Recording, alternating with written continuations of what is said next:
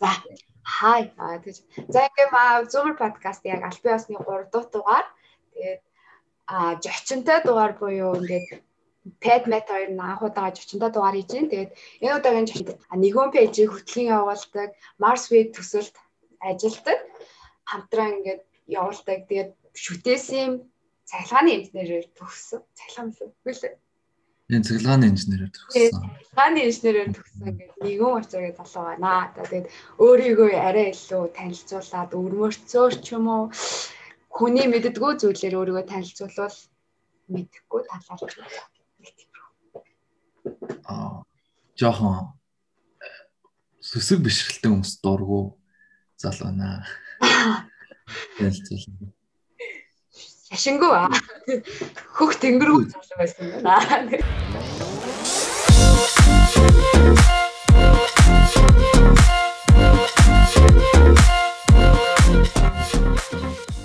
Эхний ярианы сэдв гараад ирж шít. Тэгээ угаасаа бидний мэдхээр бол айгүй олон тэг шинжлэх ухаантай холбоотой зүйл зүйлстэй холбогдож явдаг яг тэрнгээр нь харж байсан. Тэр анх яагаад яг шинжлэх ухаан дуртай болчихсон бэ? Тэр ихэнх одоо шинжлэх ухаантай шинжлэх ухаан дуртай хүмүүсийн нийтлэг одоо шинжин гэвэл амар сониуч хүмүүс байдаг. Юмны хариултыг олохыг хүсдэг. Жишээлбэл би багтаа ингээд хөдөө ингээд шөнийн тэнгэр амар гоё харагддаг штэ. Тэгээ дээшээ хараа идсэн чинь хиймэл дагуул одоогор бол хиймэл дагуул байсан юм лээ. Тэгсэн чинь нэг юм од ингээд би тэгэхээр нэг 5 6 таас л байсан баг. Од ингээд анивчаад хөдлөөд ингээд яг нэгэн жигт ингээд анивч явж байгааг хараад энэ юу юм бол гэд сонирхоод анх шинжлэх ухаан дотроо бол юм юм одоо орон сансрын технологич юм энэ талын юм айгу сонирхолтой хоббитэй. Тэгээд анх сонирхож эхэлжсэн. Nice. Ой Одоо тэгтээ ингээ харангууд од юус харагддгүйтэй байна. Тэгтээ аа тийж. Тэгээ ер нь бол ингээд яг чиний ингээ сонирхлоос үндэслээд яг Mars V гэдэг төсөл холбогдсон аюу сонирхолтой энэ ингээ мөрөөдлөөрөө ч юм уу тийм. Юу юм. Ах яа Mars V төсөлтэй холбогдсон тохойгоо яриач л гэж байна.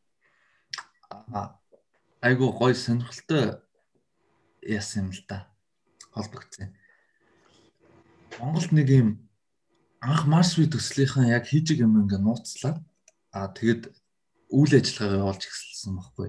Тэгэд ингээд нийгэм рүү хандсан юм сансрын технологитой холбоотой үйл ажиллагаа хийж эхлэегээд им сансрын бөмбөлөг гээд яг сансарт нисдгүүч гэсэнд ингээд цаг агаар бол ингээ агаарын шинжилгээ гэдэг юм юм бөмбөлөг байдаг байхгүй. Дээш нь ингээд аппаратыг дээр нь ингээ гелийн юм хийгэр одоо инженеэр ярил зүгээр юм дээш нь бөмбөлөг хөөргөөд агаарын чанар шалгадаг.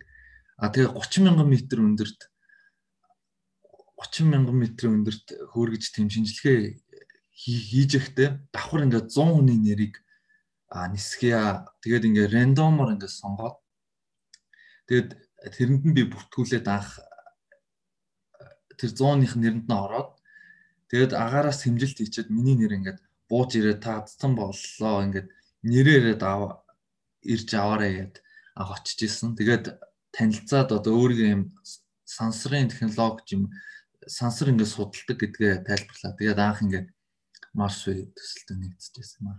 Тэгээ нэг болох юм болгоорой болдог гэдэг шиг сонирхолтой юм шиг тийм зүйл байна. Анх ороход болохоор яг Mars Wave төсөл гэдэг утгаар нь ороогүй. А эхний ээлжин зүгээр сонирхож очиод одоо үзэл бодлоор нийлээд азар гэх юм уу анх ингэж нийлж ажиллаж байсан. Одоо яг үндсэн гишүүн болоод ажиллаж байгаа. Нөө одоо хэлж байгаа шүү дээ. Одоо ингээд юу харагддггүй, однууд ингээд харагддггүй. Би тэрийг болохоор ингээд сонсч байсан санагдаад байх юм нөгөө гэрлийн бохирдлоос болоод хотод ингээд аягүй их гэрэл байгаа болохоор тэрнээс болоод ингээд од харагддггүй. Тэгэхээр хөдөө хүмүүс ингээд амар их од ингээд харагдаад байдаг яриад байдаг дээ. Угтаа бол угаасаа бидний дээр ганц л тэнгэр шүү дээ. Тэр талаар яг ингээд шинжлэх ухааны үндэслэлтэй чон тайлбарлал а саяхан хэдхэн 7 хоногийн өмнө дэлхийн одоо цэвэр одоо нөгөө гэрлийн бохирдлого тэнгэрийн өдөр гэж олон улсын тийм өдөр зохион болгогдсон мөлий 7 хоног ингээд тэнгэр лүү гэрэл ингээ асахгүй гээд барууны орнууд нэлээ зохион байгуулсан юм шиг лээ. Тийм ер нь бол том хотууд шөнийн цагаар амар их гэрэл гэрэлтэй байдаг штэ. Тэгээд эднэр нь болохоор шөнийн тэнгэрт юм оддаг харагдуулахгүй одоо тэнгэрлүү маш их гэрлийн нэрг цацруулчихж байгаа учраас дээрээс одоо хот гэрэлтэй хотоос тарах боломжгүй болчихж байгаа юм л да. Энийг гэрлийн бохирдол гэдэг. Гэвь бэ даа. Жахааш мэднэ. Одоо жишээлбэл би нэг Оросд аялж исэн юм аа. Тэгээд Солонгос жуулчдтай таарад тэгсэн чинь надаас асууж явахгүй. Монголоос ингээд сүүн зам харагддгүй юм. Угаасаа л хөдөө ингээд Монгол монголчин далайн төвчнөөс дунджаар бараг 1300 1400 одоо метрийн өндөрт байдаг болохоор ингээд хавар унхуу шүн бүр ингээд сүүн зам харагддаг шүү дээ. Тэгээ харагддгаа гэсэн чи бүр ингээд солонгос хүмүүс ястой гоё юм аа Монголд очиж ингээд шүний тэнгэр харах юмсан. А тэгээд Монголын Монгол гэрлийн бохирдлого байх нь аргагүй угаасаа хөдөө газар ихтэй тэгээд жоохон цөөхөн хамтай том хотууд байх болохоор бас тэр асуудал гайгүй. Тэрнээс бол том хотуудын хувьд бол энэ нэгэн том асуудал болсон мэт юм лээ. Бодоод үзгэж гисэн юм уу хаацтай. Шүн ингээд тэнгэр рүү харахаар тэнгэр нэм баг зэргийн гэрэлтэй ямар ч од харагдахгүй байлаас. Хав хав. Аа энэ од харагдахгүйгаас гадна яг өөр тийм аюултай ч юм уу нөлөө байгаа юу? Гэрлийн бохирдол.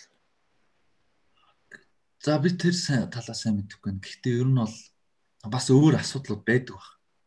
Тэгдэг л ах тийм. Тий.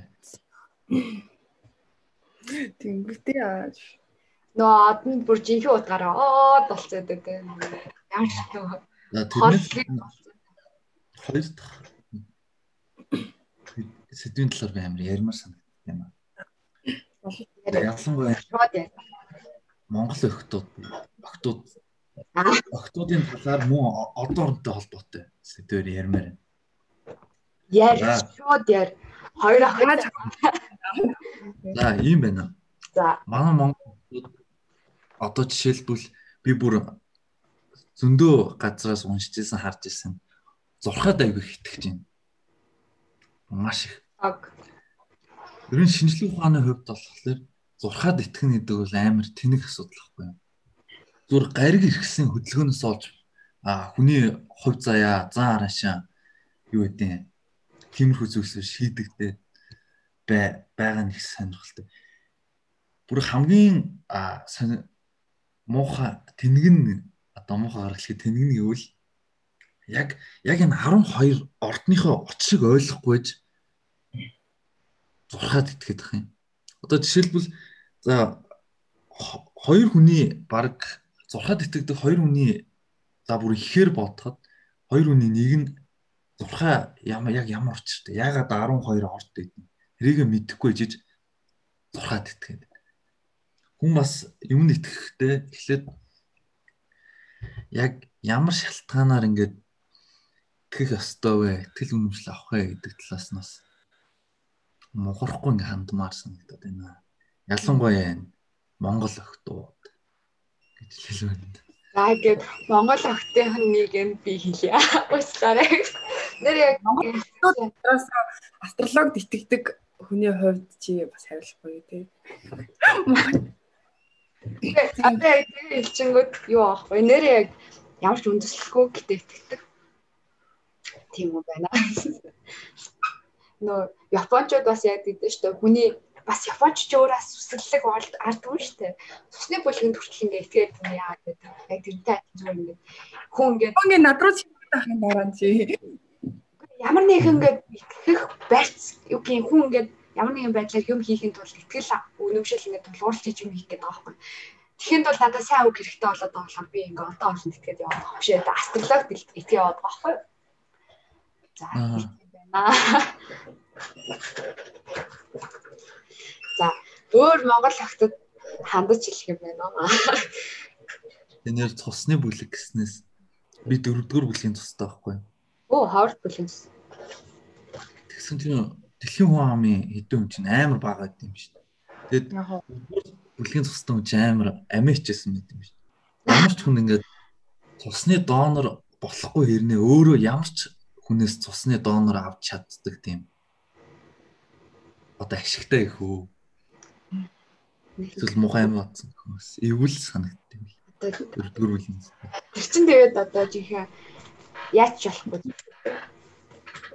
Тэгээд төгсгийг одоо яах вэ? Та хоёроос асуулт. Та хоёр хэддүгээр үеийн тест. хоёр биш гурав дахь биш үстэй. Тэгээд Аа, ано манай хоёр эд донор бүлгэд тест ямар ч юм бэ танаас дандаа. За. Гэтэ хоёр тэгвэл 2 3 дахь бүлгийн систем шүү дээ. Дөрөвдүгээр бүлгийн цустай болох уу, нэгдүгээр бүлгийн цустай болох уу гэдэг сонголт зүгээр гарч ирлээ гэж үү. Та хоёр ямар бүлгийн цустай болох вэ? Дөр болно. Бүх юмнаас авчиж байгаа юм. Надад цус илбэг болчих таа гэж өгөхгүй хатаж. Нэгдүгээр бүлгийн цастай хүмүүс нь бас тэгэл олон л байдаг гэж. Тэгэхээр Тэгээ нэгдүгээр бүлгийн цустай болохоор хэцүү зү. Амар олон хүнд ингээд цус өгдөг хэрнээ өөрөө болохоор зөвхөн нэгдүгээр бүлгийн цустай хүнээс ингээд сэлбэлдэг гэхээр. Тийм тэр нь Тэгсээр нь өөрийнх нь цус нь бүх бүх цустай хүн таардаг. Гойч юм шиг. За тийм байна. За тийм байна. одоо өнөөдөр юу ярина? Аа ийм жоохон бусад подкастыг дипломат юм ярихгүй. Бүгдээрээ гоё гоё хамаагүй чөлөөтэй тэгээд дурсамж ярих эхлэв гэж бодчих. Тэгээ Монгол ялангуяа энэ 20 орчим насныхаа ингээд гендерээр хуваагдаад амар сошиал нэтворкт амар энэ нэг ингээд дистэлт болчтой юм. Монгол Монгол залуучууд ийм байна. Тийм байна. Монгол өхлөө тийм байна. Гэтэ Энэ одоо нэг бодлын сайн уу муу юу? Миний бодлоор нэг сайн ч юм шиг. Би энийгээ ингээд шүмжлээд тахлаар ингээ мо засч өгөөд жаа юм уу? Эсвэл би энийг амуулсаар хагаад улам хөвдөж жаа юм. Та хоёр нь юу гэж За энэ тал дээр миний бодлоор ингэ санагддаг шүү дээ. Одоо бид нар нэг зүүмөр биш гэнэ. Нөө generation Gen Z гэж яваад байгаа. Нэг амар бусдаас илүү ингэ сурал хэвчтэй нэг нэг хурд өсөн дэвждэг ч юм уу те. Тэнгүүд яг үүндээ надад бүүмрээс шалгах юм байдгүй юм санагддаг байхгүй. Одоо яг Монголын хэмжээнд авч яваад одоо нийт залуу зинжи залуучуудын 10-аас 20% л амар боловсралтай өндөр боловсралтай мэдлэгтэй те яг юу ихээ мэддэг хүмүүс юм шиг санагддаг. Үлдсэн 80% нь яг өмнөх үеийнхаа бүүмөр ч юм ямар нэгэн байдлаар уусцсан өөрийн гэсэн үзэл бодлохгүй ч юм ямар нэгэн байдлаар амьдралд итгэхгүй юм шиг санагдах. Тэгэнгүүтээ амар ухаантай юм ярьж чаддаг. Тэгээд нөгөө бүүмөр үеийн хамаагүй нөгөө идэга бодвол ягаа хийгээд ирсэн хүмүүс яагаад гэдэг. Тэнгүүд нөгөө жинжин бодлоо яриад явдгаас өөр юм байдгүй юм санагдаад. Ингээ үеийнхнийгаа хараад байхаар өөрийгөө ч гэсэн. Тэр санагдав. Яг уу зинзээ гэдэг нь одоо тийм миний бодлогоор бол нэг амар тийм цоороод байх одоо тийм юм байхгүй. А гэхдээ яг нэг асуудал дээр бол үнэхээр ялцчихгүй босд үеийнхнээс цоорч байна. Энэ болохоор технологи мэдлэг. Одоо жишээлбэл намайг баг юу вэ? Бага ангид л байхад анхны HD баг тоглоом гараад эхэлсэн. Тэ тэрийг арга төржөгт компьютер нилээн одоо ирчиг авцсан байсан. Яг л ингээд компьютерийн 90 зам төрсөн болохоор а өмнөг үеийнхнээс ол хамаагүй хурдтай Суралцаад юм. ялангуяа технологи юм хурдан суралцж байна. Илүү баг. Тэр зэрэг юм чинь. яг уу тэр талаараа бид нэр амар илүү а гэхдээ бусд юмөр бол ойр адилхан л авах гэж би бодож байна. Бусд үеийнхтэй. Нэг Сикагийн Монгол хийсэн судалгаас шүү дээ. Ялангуяа одоо бид нар чинь бол ингээд нөгөө энэ үеүүдийн ялгаануудыг амар ингээд яриад байгаа шүү дээ. Мон- бидний өөрсдөө хийсэн судалгаа бол бас биш байгаа шүү дээ. Тэнгүүд Монголд хийсэн яг энэ үйлчлэлийн судалгаан дээр хийгээд үзэнгүүт Монголд байгаа одоо яг энэ а насныхан бол яг одоо гадаадад байгаа ч юм уу тэр Америкт байгаатай тэр үеийн Z үеийнхэнтэй бол баг ийм нь адилхан байж чадахгүй байна гэдэг судалгаа гарсан байсан шүү. Нэг жоохон суг байна ч юм уу тийм тиймэрхүү юм байсан. Би тэгтээ тэр тайлан бүтэн уншаагүй зүгээр яг дурдсан байхыг харсан. Тиймэрхүү манайхан зүгээр яг мэдээлэл ил болохоор тэгэл мэдчихээл нэг жоохон тиймэрхүү байгаад байдаг дээ. Innovation гэж ярьсных нэг надад бас ярмаар аим сэтгэв байд юм. Тэр талаар яа. За. Одоо ингээд түүлийн баг 5 6 жил ингээд мэдээ хараалахад интернетээр хараалахад энэ Япон солонгост амар төрөлт багасаад байна гэдэг гарч байгаа шүү дээ. Ингээд өмнөх одоо бараг 20 30 40 жилийн өмнөхөөс ингээд төрөлт бүр огцсон мөн жинэ. Тэгээ би энэ талаар нь яг дунаад ингээд судалсан юм л да. Тэгэхээр яг нийгэм нийгэмэд олон хүчин зүйл нөлөөлж байна. Аа тэгсэн чи яг гол нөлөөлдөг хүчин зүйл нь болохоор хүний одоо боловсрлоос бас хамаардаг юм байна л да. Аль бол одоо жишээлбэл Япон солонгосуудын одоо энэ боловсролын төвшин энэ сэтгэн бодох чадвар энтрийн ингээд шалгаж үзсэн чинь эхний топ 10 таа байхгүй. Бараг эхний топ 5. Солонгос хүний дундаж аяхгүй, Японы дундаж аяхгүй болохоор эхний топ дэлхийн хүмүүсээс их топ 10-т, топ 5 таа байхгүй. Тэгэхээр эндээс юу харагч хэр хүн ингээд илүү мэдлэг боловсрал ухаантай болох тусмаа ингээд хүүхд хүүхдээс амар татгалцдаг. Олон хүүхд нэг хоёр хүүхд л гэдэм юм дээш дээтлэн.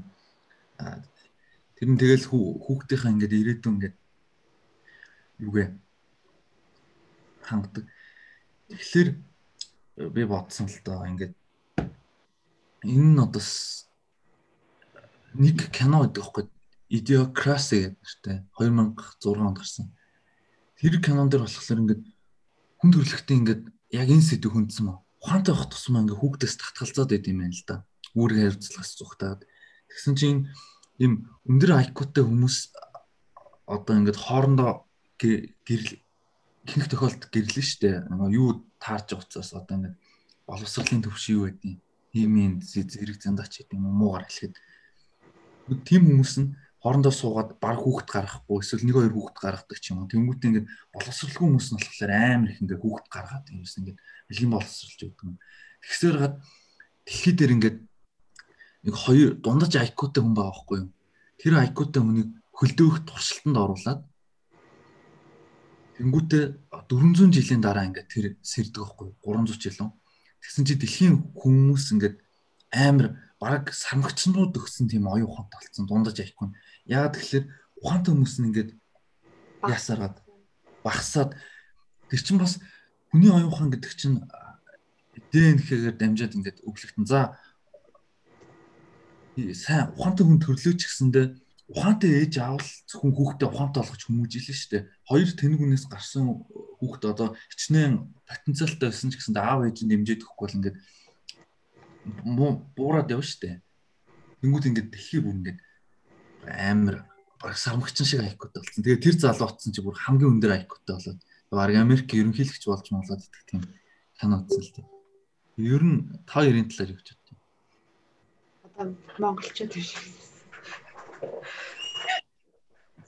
Ер нь гэхдээ энэ наа чи яг үгүй яг ингэж шүү дээ. Бас нэг юм судалгаа хийсэн байлаа.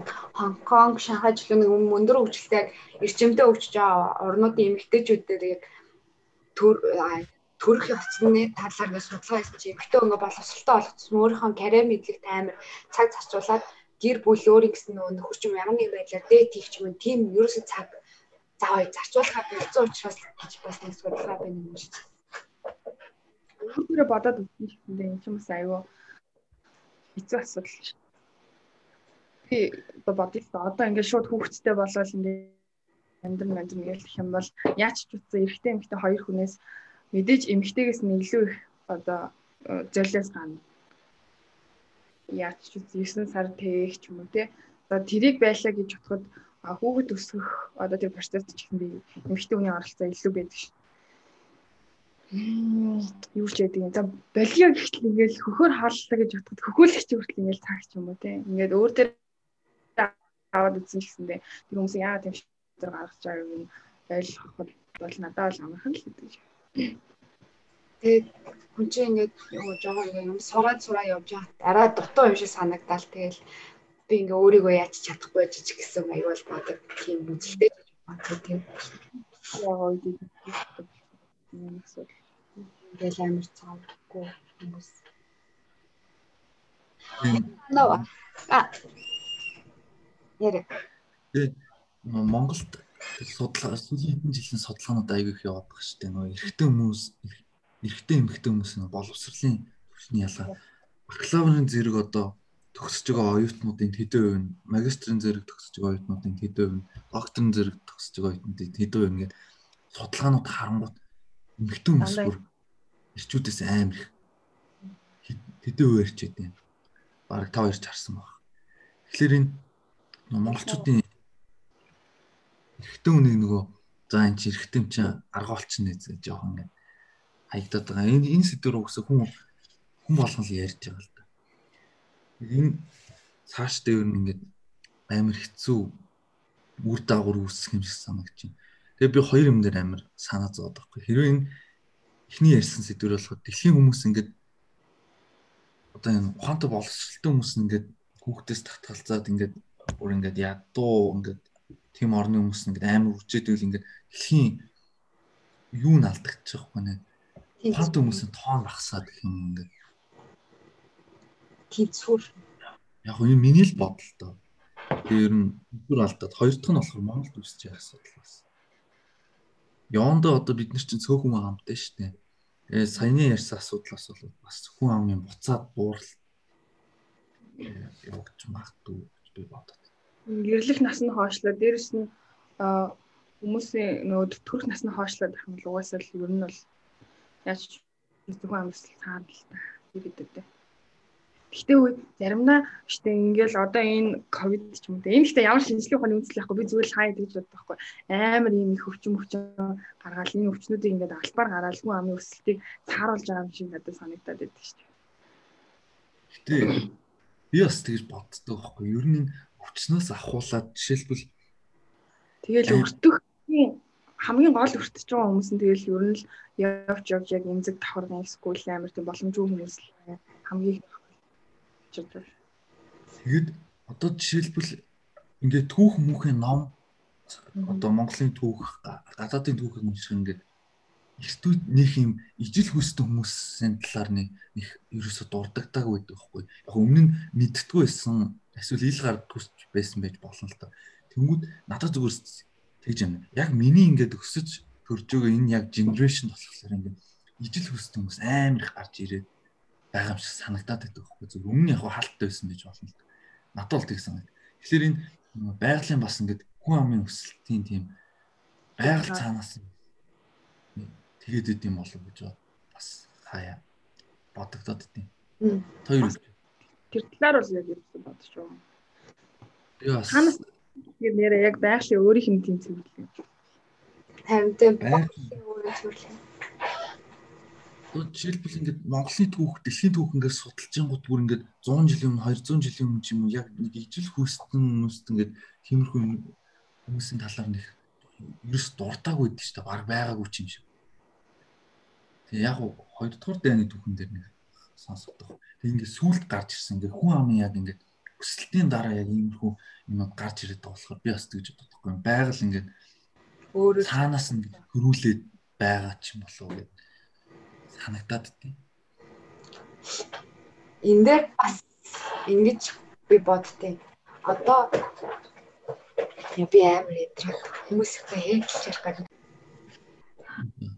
Нөө ингэж санагдаад байхгүй. Одоо яг нийгмийн хүүхд нийгмийн яг харилцаа хүүхдүүдийн ингэ хандлагын талаар харахаар нөгөө яг инфлюенсер гэдэг зүйл амар нөлөөлсөн. Одоо нэг лаку харагдсан тэрээ дуурайж эхэлдэг юм уу яг тийм байдлаар одоо яг өөрийгөө таних мэдээ хүмүүс жоохон тийм хандлагаар хандаад байгаа юм санагддаг шүү дээ. Жоохон тийм өөрийгөө таньж мэдээ үү. Гэтэ тэр хүн лагер гэдэг жоо тийм ч юм уу гэсэн хандлагаар ханддаг.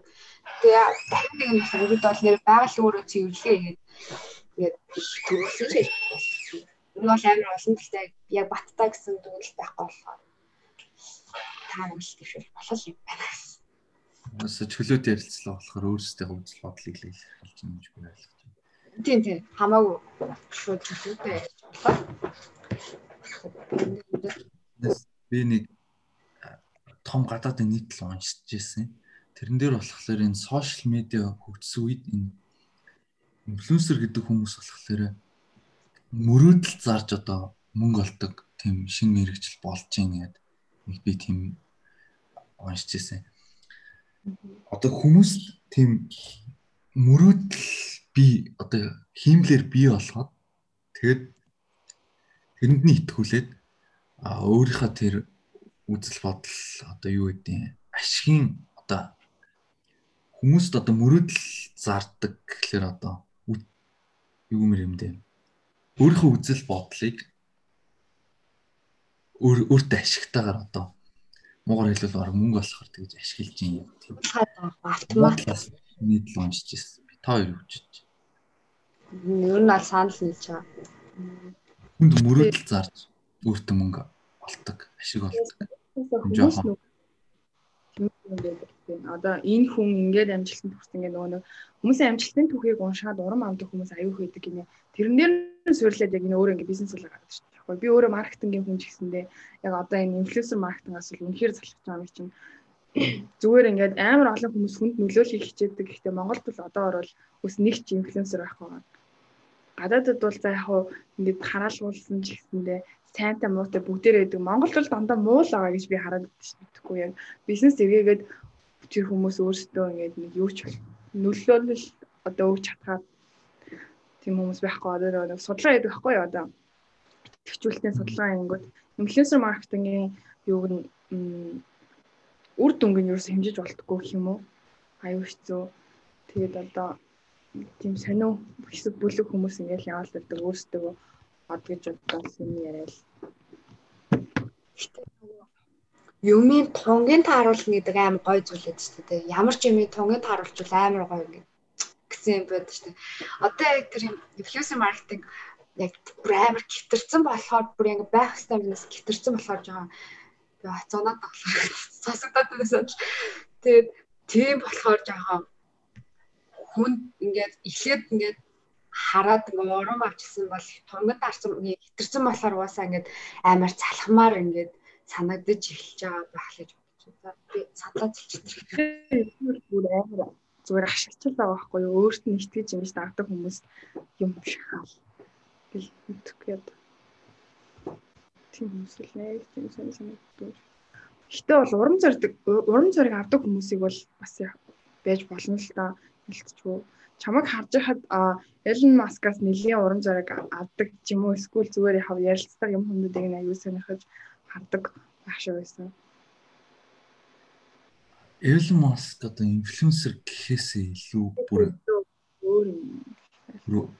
Одоо инфлюенсер гэдэг нэр тохирохгүй Эллен Маск гэдэг хэзээ ч. Эллен Маск гэдэг бол одоо дэлхийг өөрчилж байгаа хүн. Дэлхийн ирээдүйн хөгжлийн чигийг гаргаж байгаа хүн гэж би боддог. Эллен Маск гэснээс ер нь ирээдүйн талаар ярмаар санагдаад байна. Та хоёр байна. Хоёр ер нь ер нь ойрын ойрын Монголын ирээдүй ер нь дэлхийн ирээдүй ирээдүйн талаар юу гэж боддог? Тэр талаар яриач. За нөө хэлээд байна. Яа яг тийм ч би мэдсэн юм аа. Манай бага ирээдүйд ер нь бол жоох итгэдэггүй юм байгаа. Маргааш За за дээр тэрийг чи өөр ярина. Ирээдүйн хувьд гэх юм бол юуны тухай юм бэ гэж хэвээр өөрчлөлтийн тухай гэсэн тийм. Өөрчлөлт дээрэс нь өөрийнхөө мэрэгчлэлтэй холбоотой одоо судал бодол юм уу ч юм хамаагүй л тийм. Өөрийнхөө дуртай ер нь ирээдүйн л. Дэлхийн хөгжил Монголын одоо хөгжил ямар хуу байх вэ? Өөрсдөө бодлыг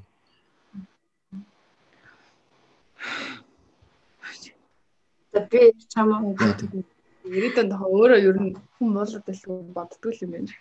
За би ихлээ ярьж байна. Баяр. За. За тийм тийм.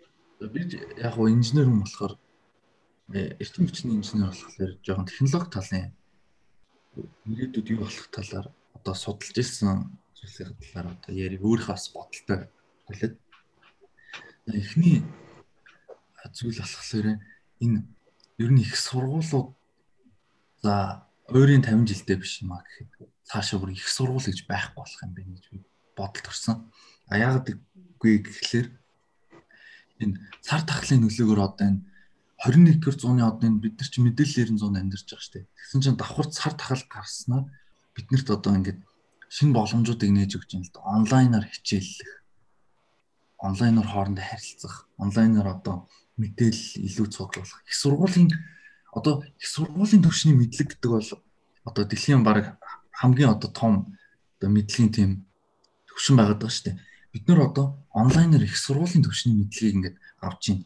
А явандаа ингээд тэр хиймэл оюун ухаан, интернетийн хурд юу гэдэг бүх юм ингээд сайжраад эхлэхээр ер нь явандаа их сургууль гэж байхгүй болох юм шүү. Багш гэж байхгүй болох юм шүү гэж надаа бодол төрсөн.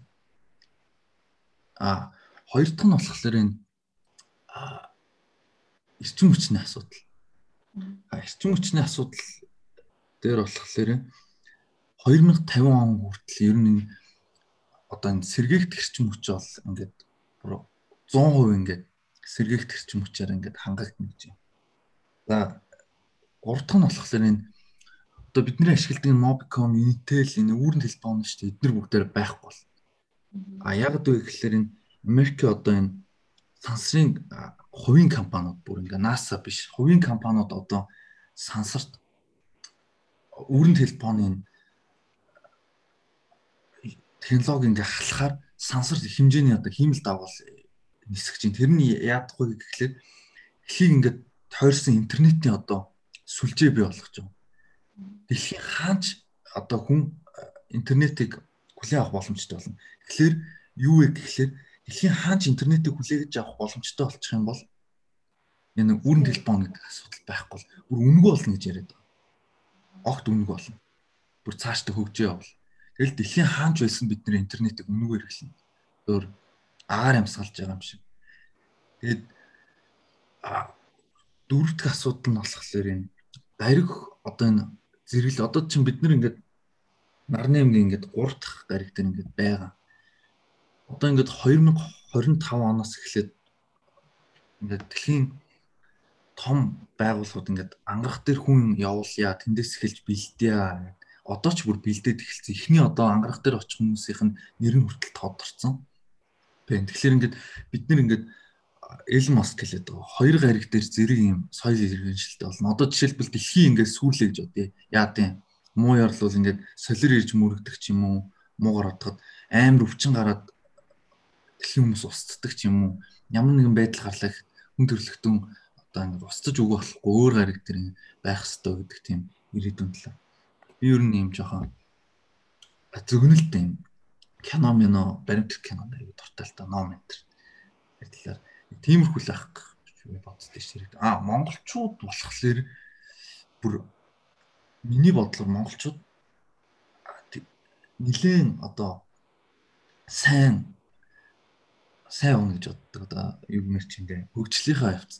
Яг тэгэхээр би нэг арабын нэг юм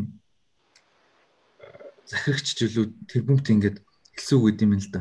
Миний ингээд өвөө тэмээ ундаг гэсэн. Миний аав тэмээ ундаг гэсэн. Би болохоор бенз ундаг. А миний хүү Феррари унана.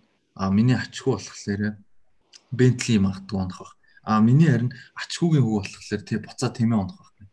Тэгэхээр яг тэгэхээр аливаа нэгэн тийм үндэстэн улсад ингээд унал босолдог үед гэдэг. Одоо бид нар болохоор бүр ингээд уналтынхаа үе рүү ингээд яваалаа. Тэгээ хэцүү цаг үе сайн хүмүүсийг төрүүлдэг болохоор удахгүй бид нар ингээд хэмжээнд очих үндэстэн болно л гэж бодлоо. Аа юм байна. Яа гоё. Нэг амар ихтгэл төрс Монгол хөгжих юм байна. За ануудын ирээдүйн талаар бодсноосаа давхар сонсонгоо. Тэ яг ингээд ирээдүйн тухай одоо ингээд хүний байр суурьсаа хамаарат өөр өөр л ах шиг байна л да. Одоо жишээ нь нөгөө нэг юм үг гэдэг штеп.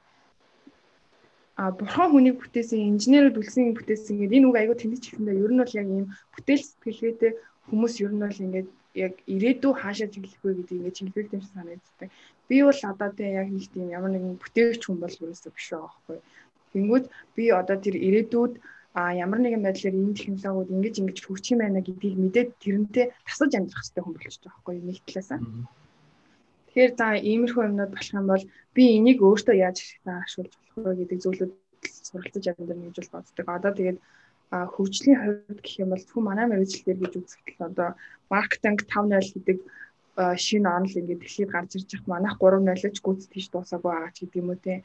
Ер нь бол ингээд маш их хоцрогдолтой явдаг явж байгаа. Аа тэгээд энийг ингээд сайжруулахын тулд одоо холбоо холбооныхон маань ингээд юм юм хийгээл те. Одоо шинэ шинэ номнууд орчуулах юм уу яг энэ тренд хаана явж байгаа гэдгээс хоцрохгүй одоо Сүүлдээ ингээ юм яваад байгаа ч гэсэндээ бидний хийж байгаа юм хоцроод байгаа ч гэсэндээ бол ямар ч гэсэн бол тэр янаасаа урд хоцорж байгаа юмнууд урд явж байгаа юмнуудаа сансаад сансаад ардаас нь гүйцэж хөөхийг л ирмэлцдэг гэх юм уу. Миний байрнаас сүрнээс бол нэг тийм хөлөөд. Тэгээд дэлхийн ирээдүйд яаж ч өөрчлөгдсөн би тэрнийг дагаж яг ус шиг хоёр чадна гэж бол боддог. Тэгэл энэ одоо өөрчлөлт болгоны шалтгаанууд нь тэ яаж өөртөө ашигтай байж болохоор гэдэг тэр загтаж амьдрах гэх юм аа тухай тухайд нь бодоол явна. Маа нөгөө өхнөө. Аа. Тэгээ нөгөө анаг хэлснээр ирээдүйд нэг тийм амар юм ачаалгүй л өгдөг байхгүй. Яг одоо нэг кино үзнээс хойш тийм болсон юм уу да. Тэгэхээр нэг амар бид нэр хэрвээ ингээ амар хөгжсөн хүмүүсийн аль хэмжээний ингээ зүгээр ингээ юунд байвал яах вэ юм уу нэг ямар нэгэн байдлаар баталгаагүй ямар нэгэн үнэлэхгүй болохоор ирээдүйд ерөөсөө итгэдэггүй хэрвээ би одоо байх ёстой ингээ үйлээ одоо байгаараа хийгээ явахад ирээдүйд тус олно уу муу олно уу тэр нь бол надаа хамаагүй байхгүй зүгээр яг хийх ёстой юм хийгээл явахад хамаа ингээл явахад л тэр нь хамаатай байна уу гэхээс нэгж амар сүртэй ирээдүйд л боддог. Энэ нь бол тийм туршлагаа хуваалцж байгаа хүн болгон багш нар бол явах боломжтой л. Тэр үлдэлтэй байгаа ойрын үед болчиход байна шүү. Тэгээ ер нь бол уус цаашдаа баг их сургуулийн сургуулиуд зүйл баг байхгүй болох. Уусаа баталгаад. Одоо ирээдүйн ирээдүйн талаар ярихаар одоо жишээлбэл аав ээжийнхээ ярианаас сонсч байсан байхгүй. Яг та нарыг баг бахт ер нь ирээдүйн хүмүүс яаж өгөндөг байсан бэ гэсэн чинь нисдэг машин Сэтгэл машин юу юу ч гэдэг. Одоо ер нь одоог ер нь айгүй зөв төсөлсөн байгаа хгүй харилцаа холбоо сайжир мэжэр. Одоо бидний бидний үеийнхний одоо төсөөлөл болохоор яг хуу тэд нэр хоёр төсөөлж болж юм л да. Гэхдээ ихэнх төсөөлөл болохоор сүүрэл рүү дандаа чиглэжээ дэлхийн одоо ингээд агааргүй болно, осгүй болно, хүн амын өсөлт. Тэгэхээр одоо шин биднэрт одоо манай Марс үе төслийнхэн амир судлаад байгаа байхгүй юу? Одоо Монголын говь ингээ Марсын симуляц гэдэг. Тэр нь аялал жуулчлалт талтай илүү. Тэгээд аялал жуулчлалыг хөтөлбөр хэрэгжүүлэх нь бол энэ ирээдүйн ер нь хөгжлийн талаар судалсан л та. Хөтөлбөр боловсруулах. Тэрэн дээр болохоор хүн ер нь ингээд ирээдүйд амир хязгаарт амьдрах юм байна. Хүнс болоод а хэрэглээнийхээ хувьд одоо хүний хэрэглээ хязгаар үүдэн шүү дээ одоо бид нэр 7 тэрбум 7.5 тэрбум хүнтэй дэлхийд байна. Энэ энэ чигээр цаашаа үржүүл баг баг 30-аас 50 жилд 7 дэлхий бэжж хүний хэрэгцээг хангахар тийм болчиход байгаа. Одоогийн бидний хэрэглээг тэр хүн амын өсөлттэй хойлол. Тэгэхээр хүн амаа хязгаарлах юм эсвэл өөрсдийнхөө хүнс болоо хэрэглээ хязгаарлах юм хоёр асуудал гарч ирж байна. Тэгэд ер нь бол миний бодлоор бол бид нэр тийм хэрэглээний язгаартай амьдрах юм шиг санагддаг. Одоо намайг нэг 50 60 хүрэхэд ч юм уу усыг хэрэглээтэй хэрэглэдэг одоо өдөр тэдэн литр ус уу тэдэн литр усаар усанд орно. Хүнсний тийм хэрэглээтэй айл болох одоо жишээл хүн болгоныг машинтай одоо баг байгаа штэ. Тэгвэл юу ч үгүй юм. Тийм амар хязгаартай байх юм шиг. Одоо чинь бүр тэр нь батлагтаад байгаа юм нь дэлхийд ч одоо минимум юу лээ? Минимум. Тийм. Хязгаартай хэрэглээ. Тим амьдралын юм аяг амар мод болох юм шиг санагд. Мод болохоос гадна одоо шаардлага болох юм шиг. Гэтэ сони юм. Ерөөсөө энэ талаас нь бодож үзэж байгаагүй мэнэ. Яг одоо энэ хүн амын өрсөлдөж ч юм уу те скул усны одоо хамсдал энэ бүх ингээл юмнуудыг сонсч ирсэн ч гэсэндээ ингээ баг багаар судалжсэн ч гэсэндээ ерөөсөө ингэж холбож ойлгож үзээгүй. Энээс үүдэлтэйгээр биднэрт юу болох юм бэ гэдэг. Ерөөсөө бодож байгаа хүмүүс жоох хичээ байна. Бодоод үзэх юм бол нэрээ боломжтой.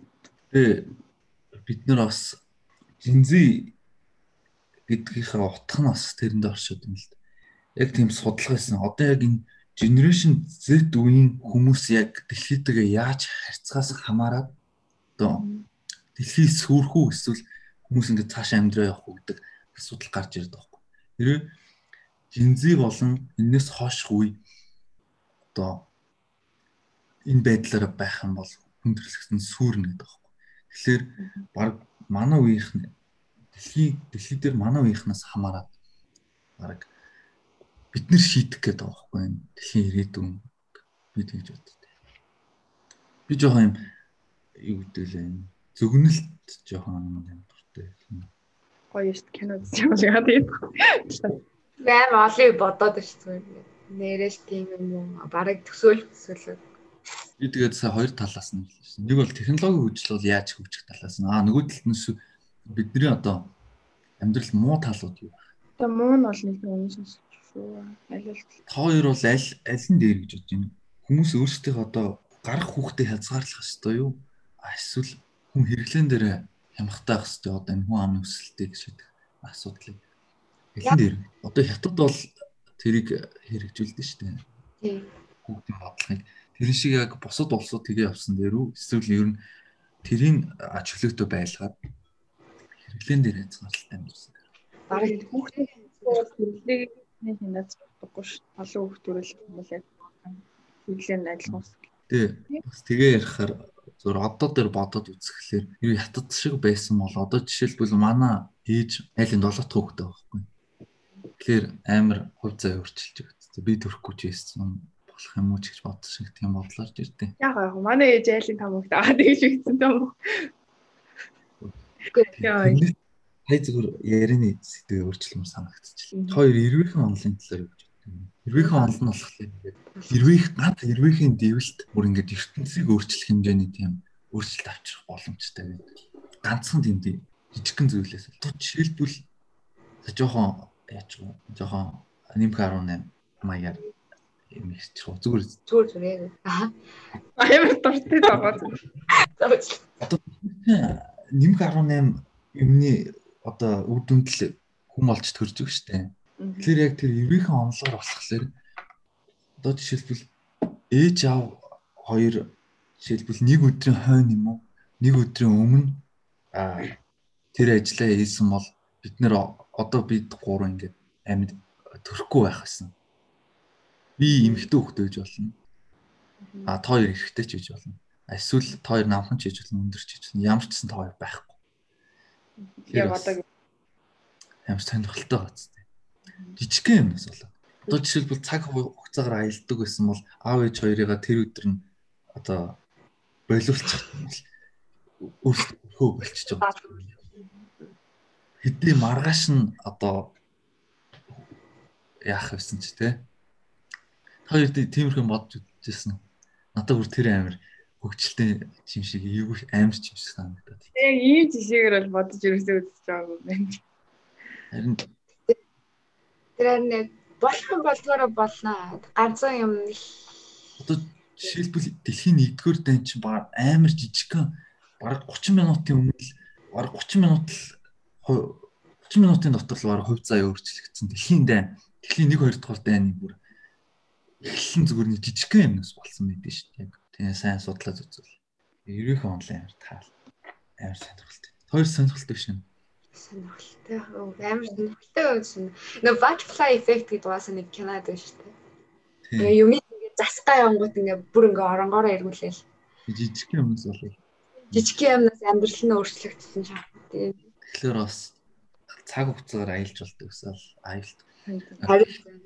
Тэгж ирдэн. Avengers гэдэг кино өгдөн дээ.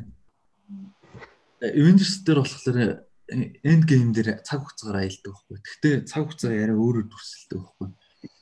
Их цаг хугацаатай цаг хугацаагаар аялдаг кинон дэр болохоор өмнөх цаг үед нь ингээд юмны өөрчлөлчингүүд ирээдүйн өөрчлөгдчихэд байдэн дээ. А end game дээр болохоор яг цаг хугацаа ингээд цацарж байгаа урс шиг дүрсэлсэн байхгүй. Одоо ингээ ус цацарлаа дээ. Тэнгүүд энийг цаг хугацааны одоо үргэлжлэх юм бол тэ цацарж байгаа үзүр хэсэг нь хойшоо ухраад үзүр хэсэгт нь байгаа хүмүүс одоо хойшоо ухраад цацралтын тасалчлаа гэж бодъё заа. Тэгэхээр ингээд цацрахаа үлчиж байгаа шүү дээ. Тэгмээ цаг хугацаа нэг нь урагшаа ингээд явцсан учраас цаг хугацаа ерөөсөө ирээдүйд өөрчлөгдөхгүй. Хичнээн өмнөх үед өөрчлөлт гаргасан ч гэсэн ингээд цаг хугацаа угаасаа явцсан. Бас нэг тийм өөр талаас нь харагдсан л та. Ирээдүйд өөрөө ботсон гэдэг кинонд болохоор яг өнгөрсөн үед юм өөрчлөлтөөр одоо үед өөрчлөлт гарч ирдэ шүү дээ. Яг тэр талаас нь бас тайлбарласан.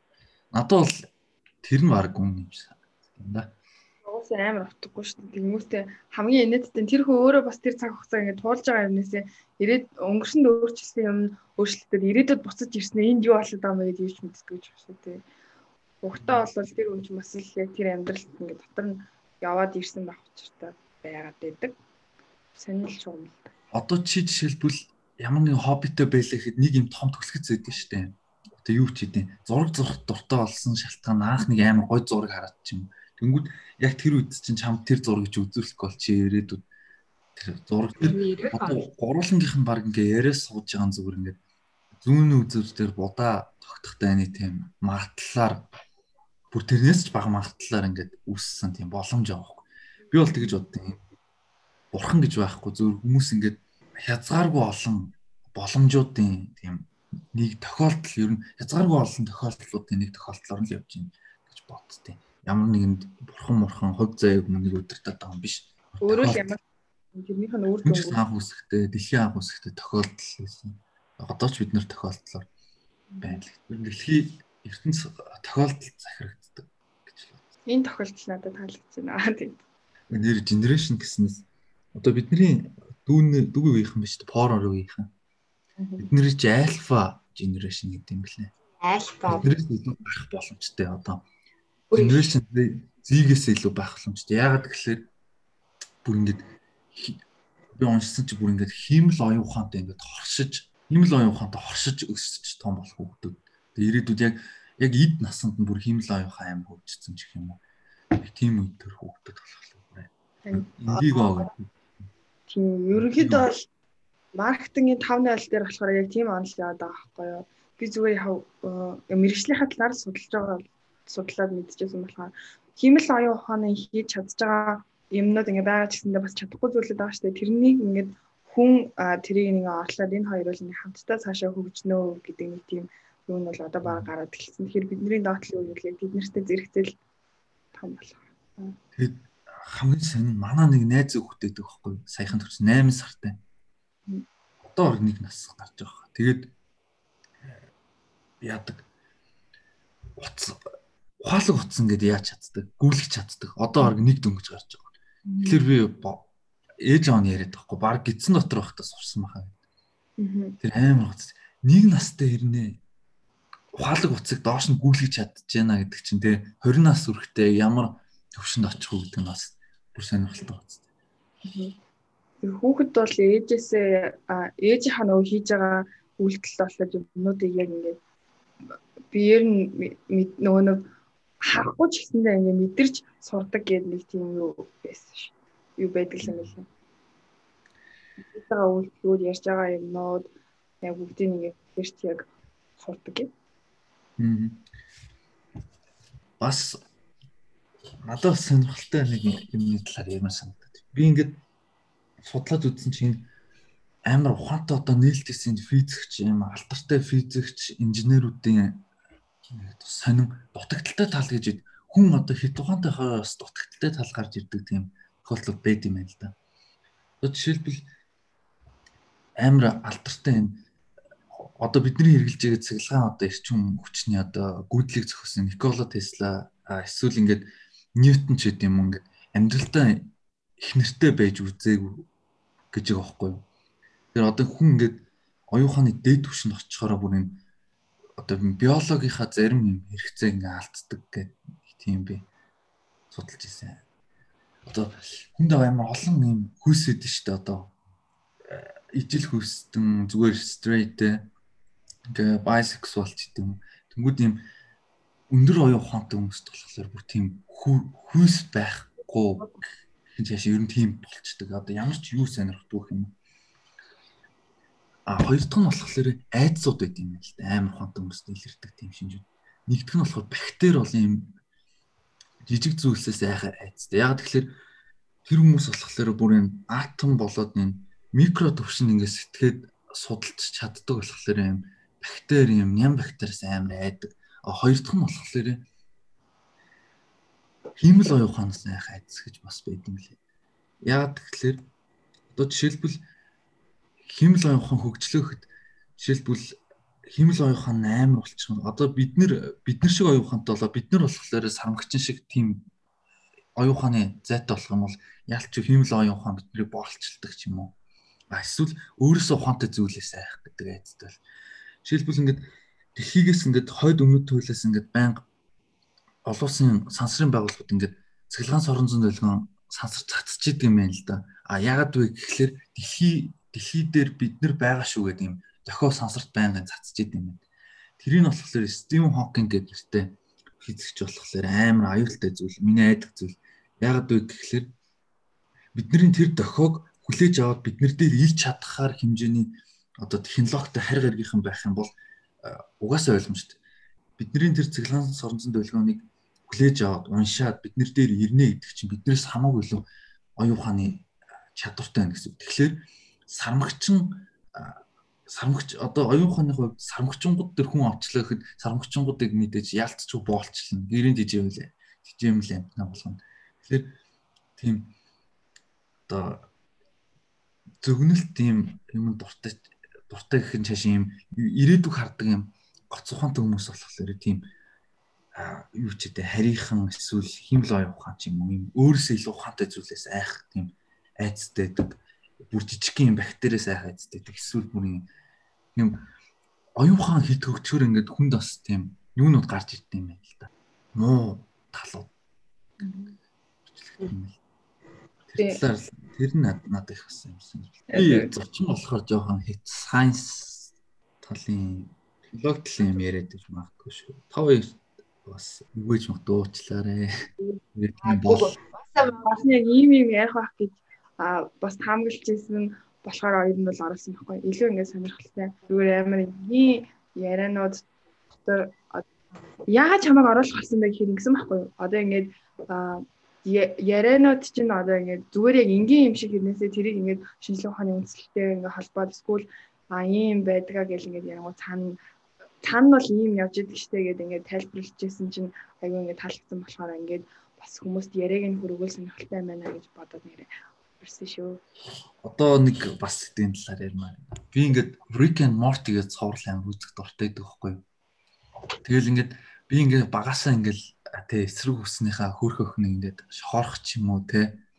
Тийм хүн хүм олонд байдаг штэ. Тийм асуудал хүм олонд байдаг.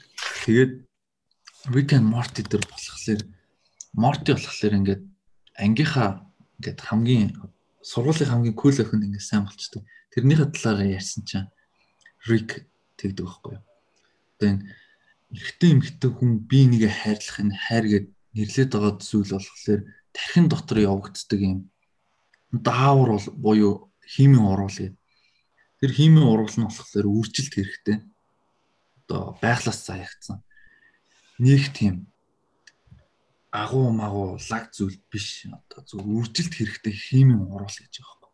Тэгээ би яг судлаад үзсэн чинь нэрээ яг эрэгтэй эмэгтэй хүн хоёр бие нэгэ харьлах харин тархин дотор явагддаг юм олон дааврууд идэг.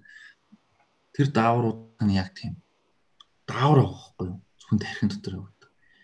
Тэр нь болохоор үржилт хэрэгтэй.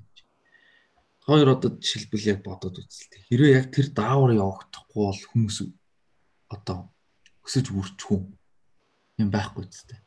Тэгэхээр хайр гэдэг чи одоо зүгээр л хин урал болчихж байгаа байхгүй бүр ерөөсөө тийм агуу магуулаа зүйл биш. Одоо яг уу ээж аваа хайр маяг яриаг юм л да. Яг энэ эрэгтэй эмэгтэй хоёр хүн бие нэгэ хайрлах хайр гэдэг бол тийм лаг зүйл биш гэх юм. Зүгээр л хийм оролт. Тэгээд одоо олон жил би энийг ингээд хайрлсан гэдэг хосууд нь болохоор яг хүн чанар гэдэг дээр ингээд тогтож байд юм уу гэх юм. Одоо хүн чинь ингээд хөгшрөөд би эндээ ч гэсэн ингээд хөгшин тэр даавар явагдах болчин. Тэгээ яага хамт амьдраад байд. Энэ болохоор хүн шууд хүний ухамсар авахгүй зүгээр. Одоо хүн хүнлэг чанар гэх юм уу? Сайхан сэтгэл хүнлэг чанар ёс суртахуун тийм. Ёс суртахуун гэж би боддог. Яг тэр даавар нь тэ хосоолоод эхний 20 30 жилд нь явагддаг ч юм уу. Даавар нь дууслаа. А үлдсэн хэсэг нь болохоор цэвэр одоо дурсамж ёс суртахуун дээр ингэж толгуурлж энэ салаад байгаа хүмүүс болохоор одоо ёс суртахуун байхгүйгээс гадна тэр би нэг одоо хайрлаад одоо даавар нь ялгархаа байчиж байгаа. Юунаас ч болт юм. Чи энэ класс нь ингээ мэдэн штэ. Тэгэнгүүт одоо ингээд ямар нэгэн байдлаар ч юм уу хүмүүстэй ингээл урд нь үерхэх ч юм ингээ харилцаатай байж үтсэн байгаа штэ. Тэгээд ингээд салж исэн ч юм тохиолдол байгаа. Тэгээ яг асуух хэрэг ингээд ерөөсө эргэлэхгүй байгаа юм аа. Ер нь бол энэ класс нь ингээд мэдэн шүү дээ. Энэ бол ингээд зүгээр нэг даавраа. Тэгсэн хэрнээс ингээд цаанаас ингээд татагдаад байвал яг уу. Гэхдээ харин тэр чинь орохгүй. Харин ингээд тэгээд байлаа. Одоо жишээлбэл ингэж байгаа байхгүй яг шинжлэх ухаан бодоод үзвэл зүгээр яг шинжлэх ухаан хөгжөөд тэр дааврыг чинь соруулаад авчдаг ч юм уу? Эсвэл дааврыг яг яг тэр дааврын химийнхэн бүр урвалынх нь нэгдэл нь нэгдлийнх нь томьёо нэг байхгүй химийн томьёо. Яг тэр томьёоныхын дагуу тэр дааврын химлэр бүтээвд хүний тархи руу шахах юм бол одоо тэр кинон дээр гараад байгаа юм шиг хүнд дурлалдаг уусмал уусмал байдэн шүү дээ. Тэр чинь боломжтой байхгүй а хэрвээ жишээлбэл чи одоо нэг ингээд залуутай танилцаа бүр би энд амар хайртай боллоо заяа. Тэр залууг чинь тархин дээр ялгараад байгаа дааврыг нь шинжлэх ухаан хөгжөөд соруулж авах юм бол чамд хайрвал болохгүй. Чи хичнээн тэр хүнийг хайрлсан ч а чи хичнээн хөөрхөнч байсан ч хайргүй болж болох. Тэгэхээр энэ айгүй яг ингээ бодоод үзэхээр бас юм амар mind fuck асуудал болчих жоохоо. Одоо би энэ дээр ингээ дахиад эргүүлээд яриад байна. Ирээдүйд ингээ юу ч болж болно гэсэн зэгсэн штэ. Тэнгүүд би нөгөө нэг хэлсэн штэ хүн ингээд амар ухаантай хөгжсөн юмны ингээд бас бүтээгдэхүүн болоод бид нар одоо машин тогтнож яж олно шүү дээ. Тэнгүүд бид нар өөрөө ингээд байгалийн өөрөө ингээд бүтээгдэхүүн болсон байгаа байхгүй.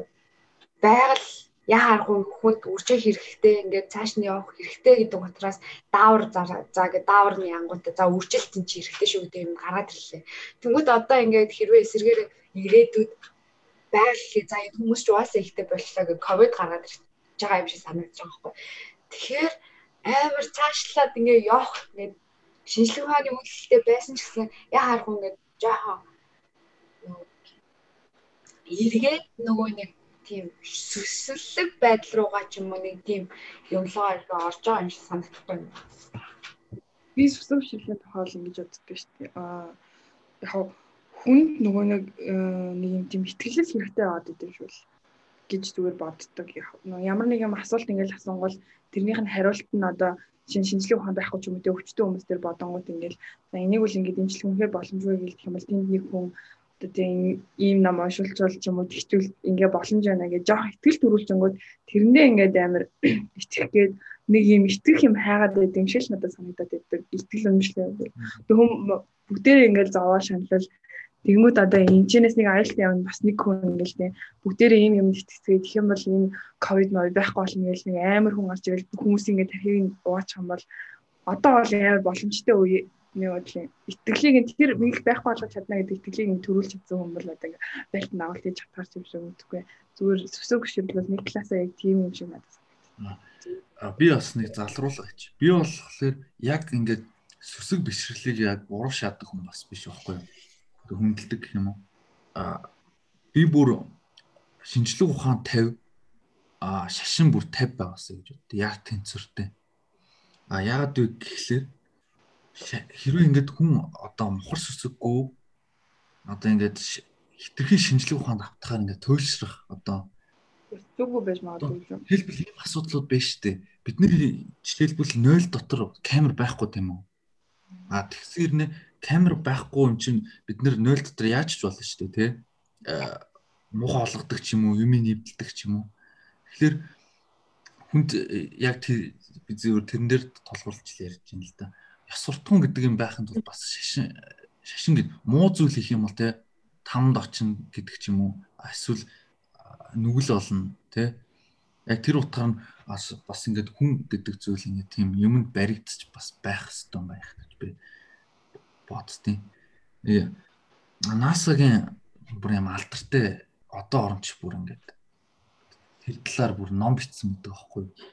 Тэр эрдэмтэн болохоор одоо орон чинь болохоор өөрөө бас яг юм тэнцвэртэй үзэлтэн шашингүй үзэлтэн бас шашин шашин шүтдэг.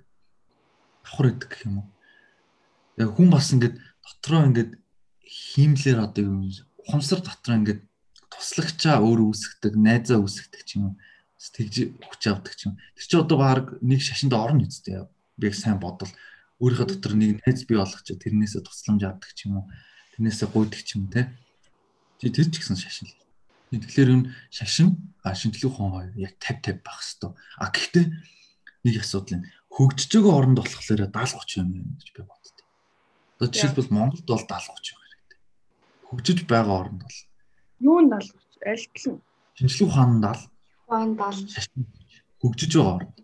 Яг ингээд хөгжлийн төөл болцсон одоо яг орнод байна л да. Тэд нар болохоор зөв 50 50 байх яг бол явж байгаа юм. Би бол тэгж бод шашин гэж байгаагүй бол баг би нэг аалч ядаа дуусгацсан мөн л гэж боддоо шин. Гэх юм уу. Соёлын иргэншилтэж болохгүй байх гэсэн. Юу н хараад хахад том том улсуудын анхны тийм үйлчлүүд нь шашин одоо шашин дээр л тулгуурлаж одоо нийгэм хот байгуулагдсан тий. Грек болохоор Ромын одоо Зевс бурхан ч гэдэг юм уу тий. Яг юм соёл иргэншлийн хвчлэн шашин дээр тулгуурлаж одоо үүссэн юм шиг санагдаад байна. Тэгэхээр шашин гэдэг нь заавал байх ёстой зүйл. Гэтэ энэ тэнцвэртэй байх ёстой. Илүү олж болохгүй.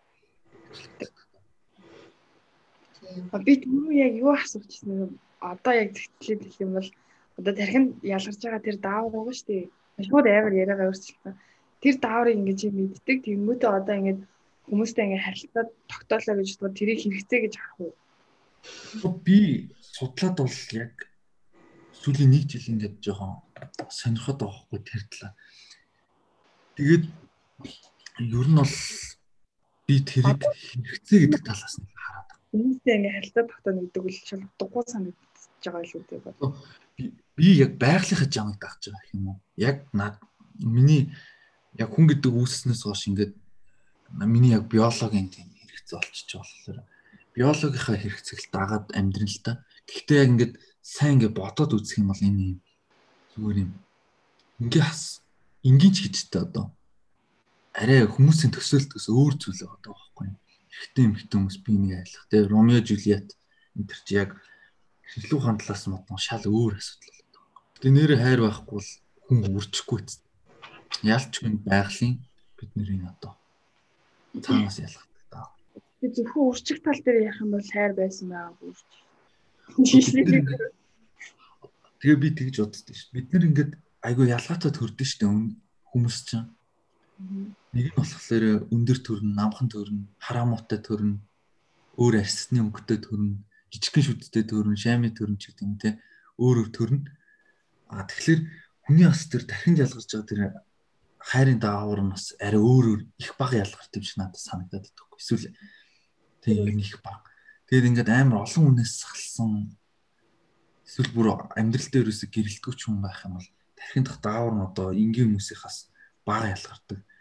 А бүр ингээд нэг хүндээ бүр ингээд баг амиа оролтлоод уралдах юм гэдэг чинь. Тэр нь болохоор тархин дах даавар нь бүр амар их ялгардаг.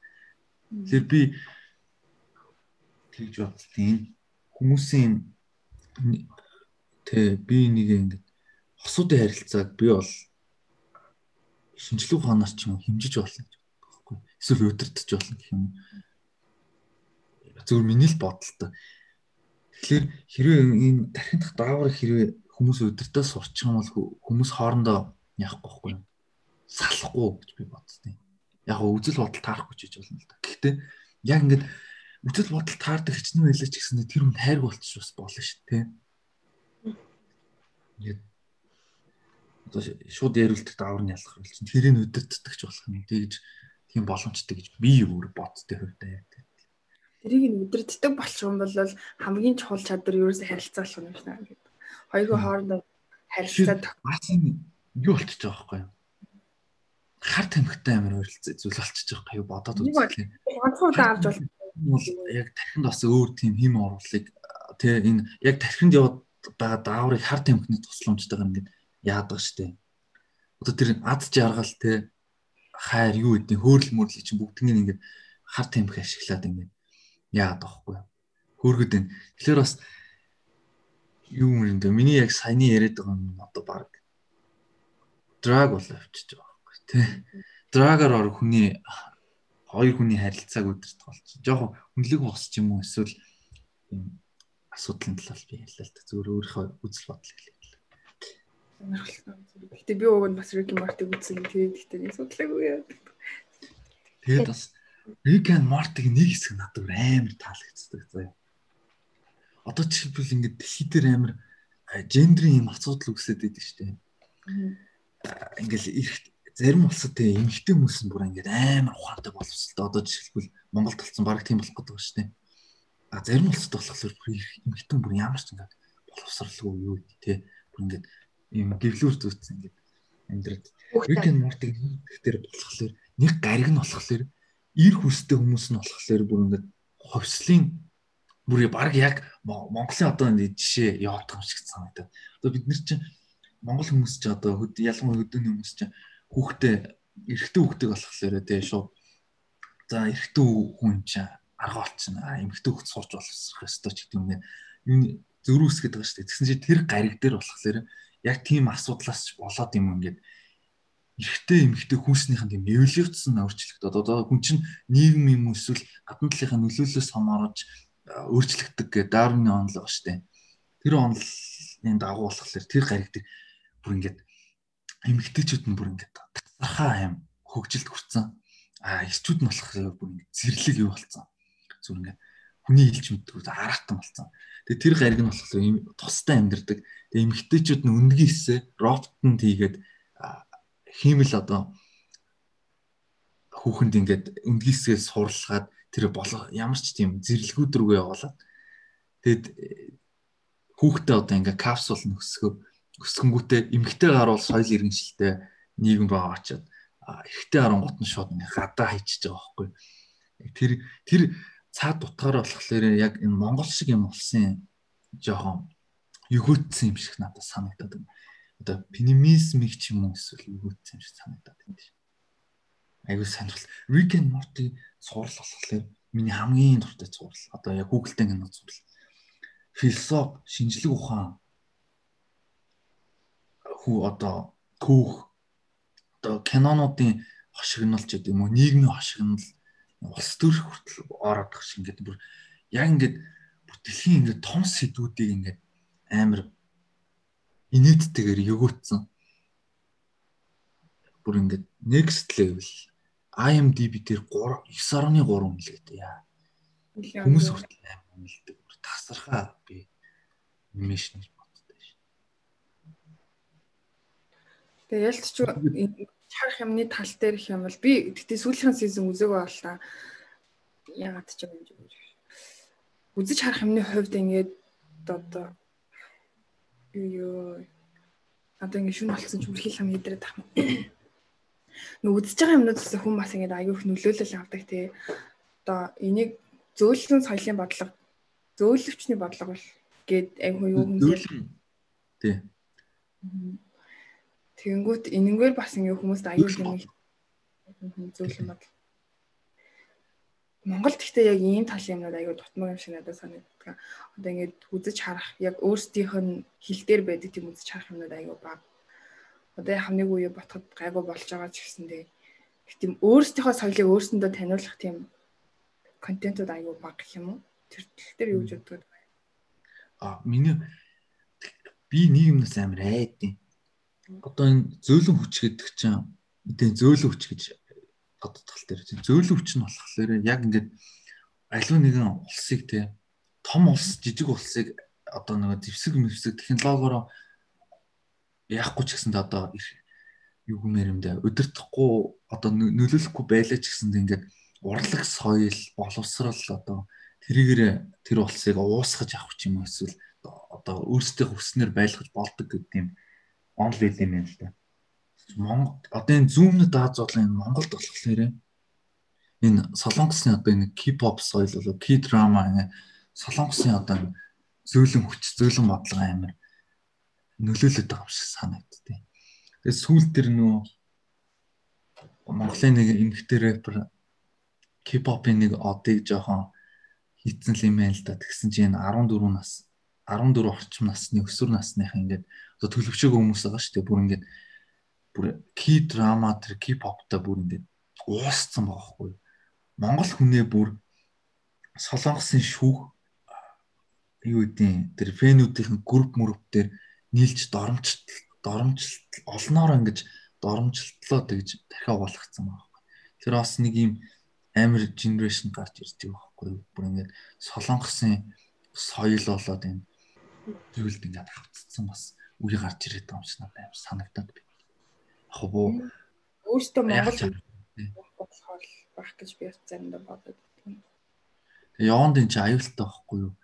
Бид нэр яадаг чинь яванд солонгосоор бидний хэл өөрчлөгдөж солонгос хэл монгол хэлэнд ороод ирэх юм уу? Эсвэл бүр үгүй надад бол муу муу талууд ирээдүйд гарч ирэх л гэж би бодсон шүү дээ. Яг гэхдээ К-драма бол нэр үнэхэр хөгжиж байгаа юм билий. Тэрнтэй тэрнтэй бол би марахгүй. Бүтэлхийн одоо орог Америкийн Холливуудтэй өрсөлдөд биш үү? Солонгосын жүжигч Оскар, найруулагч нь Оскар, кино нуртлаа Оскар.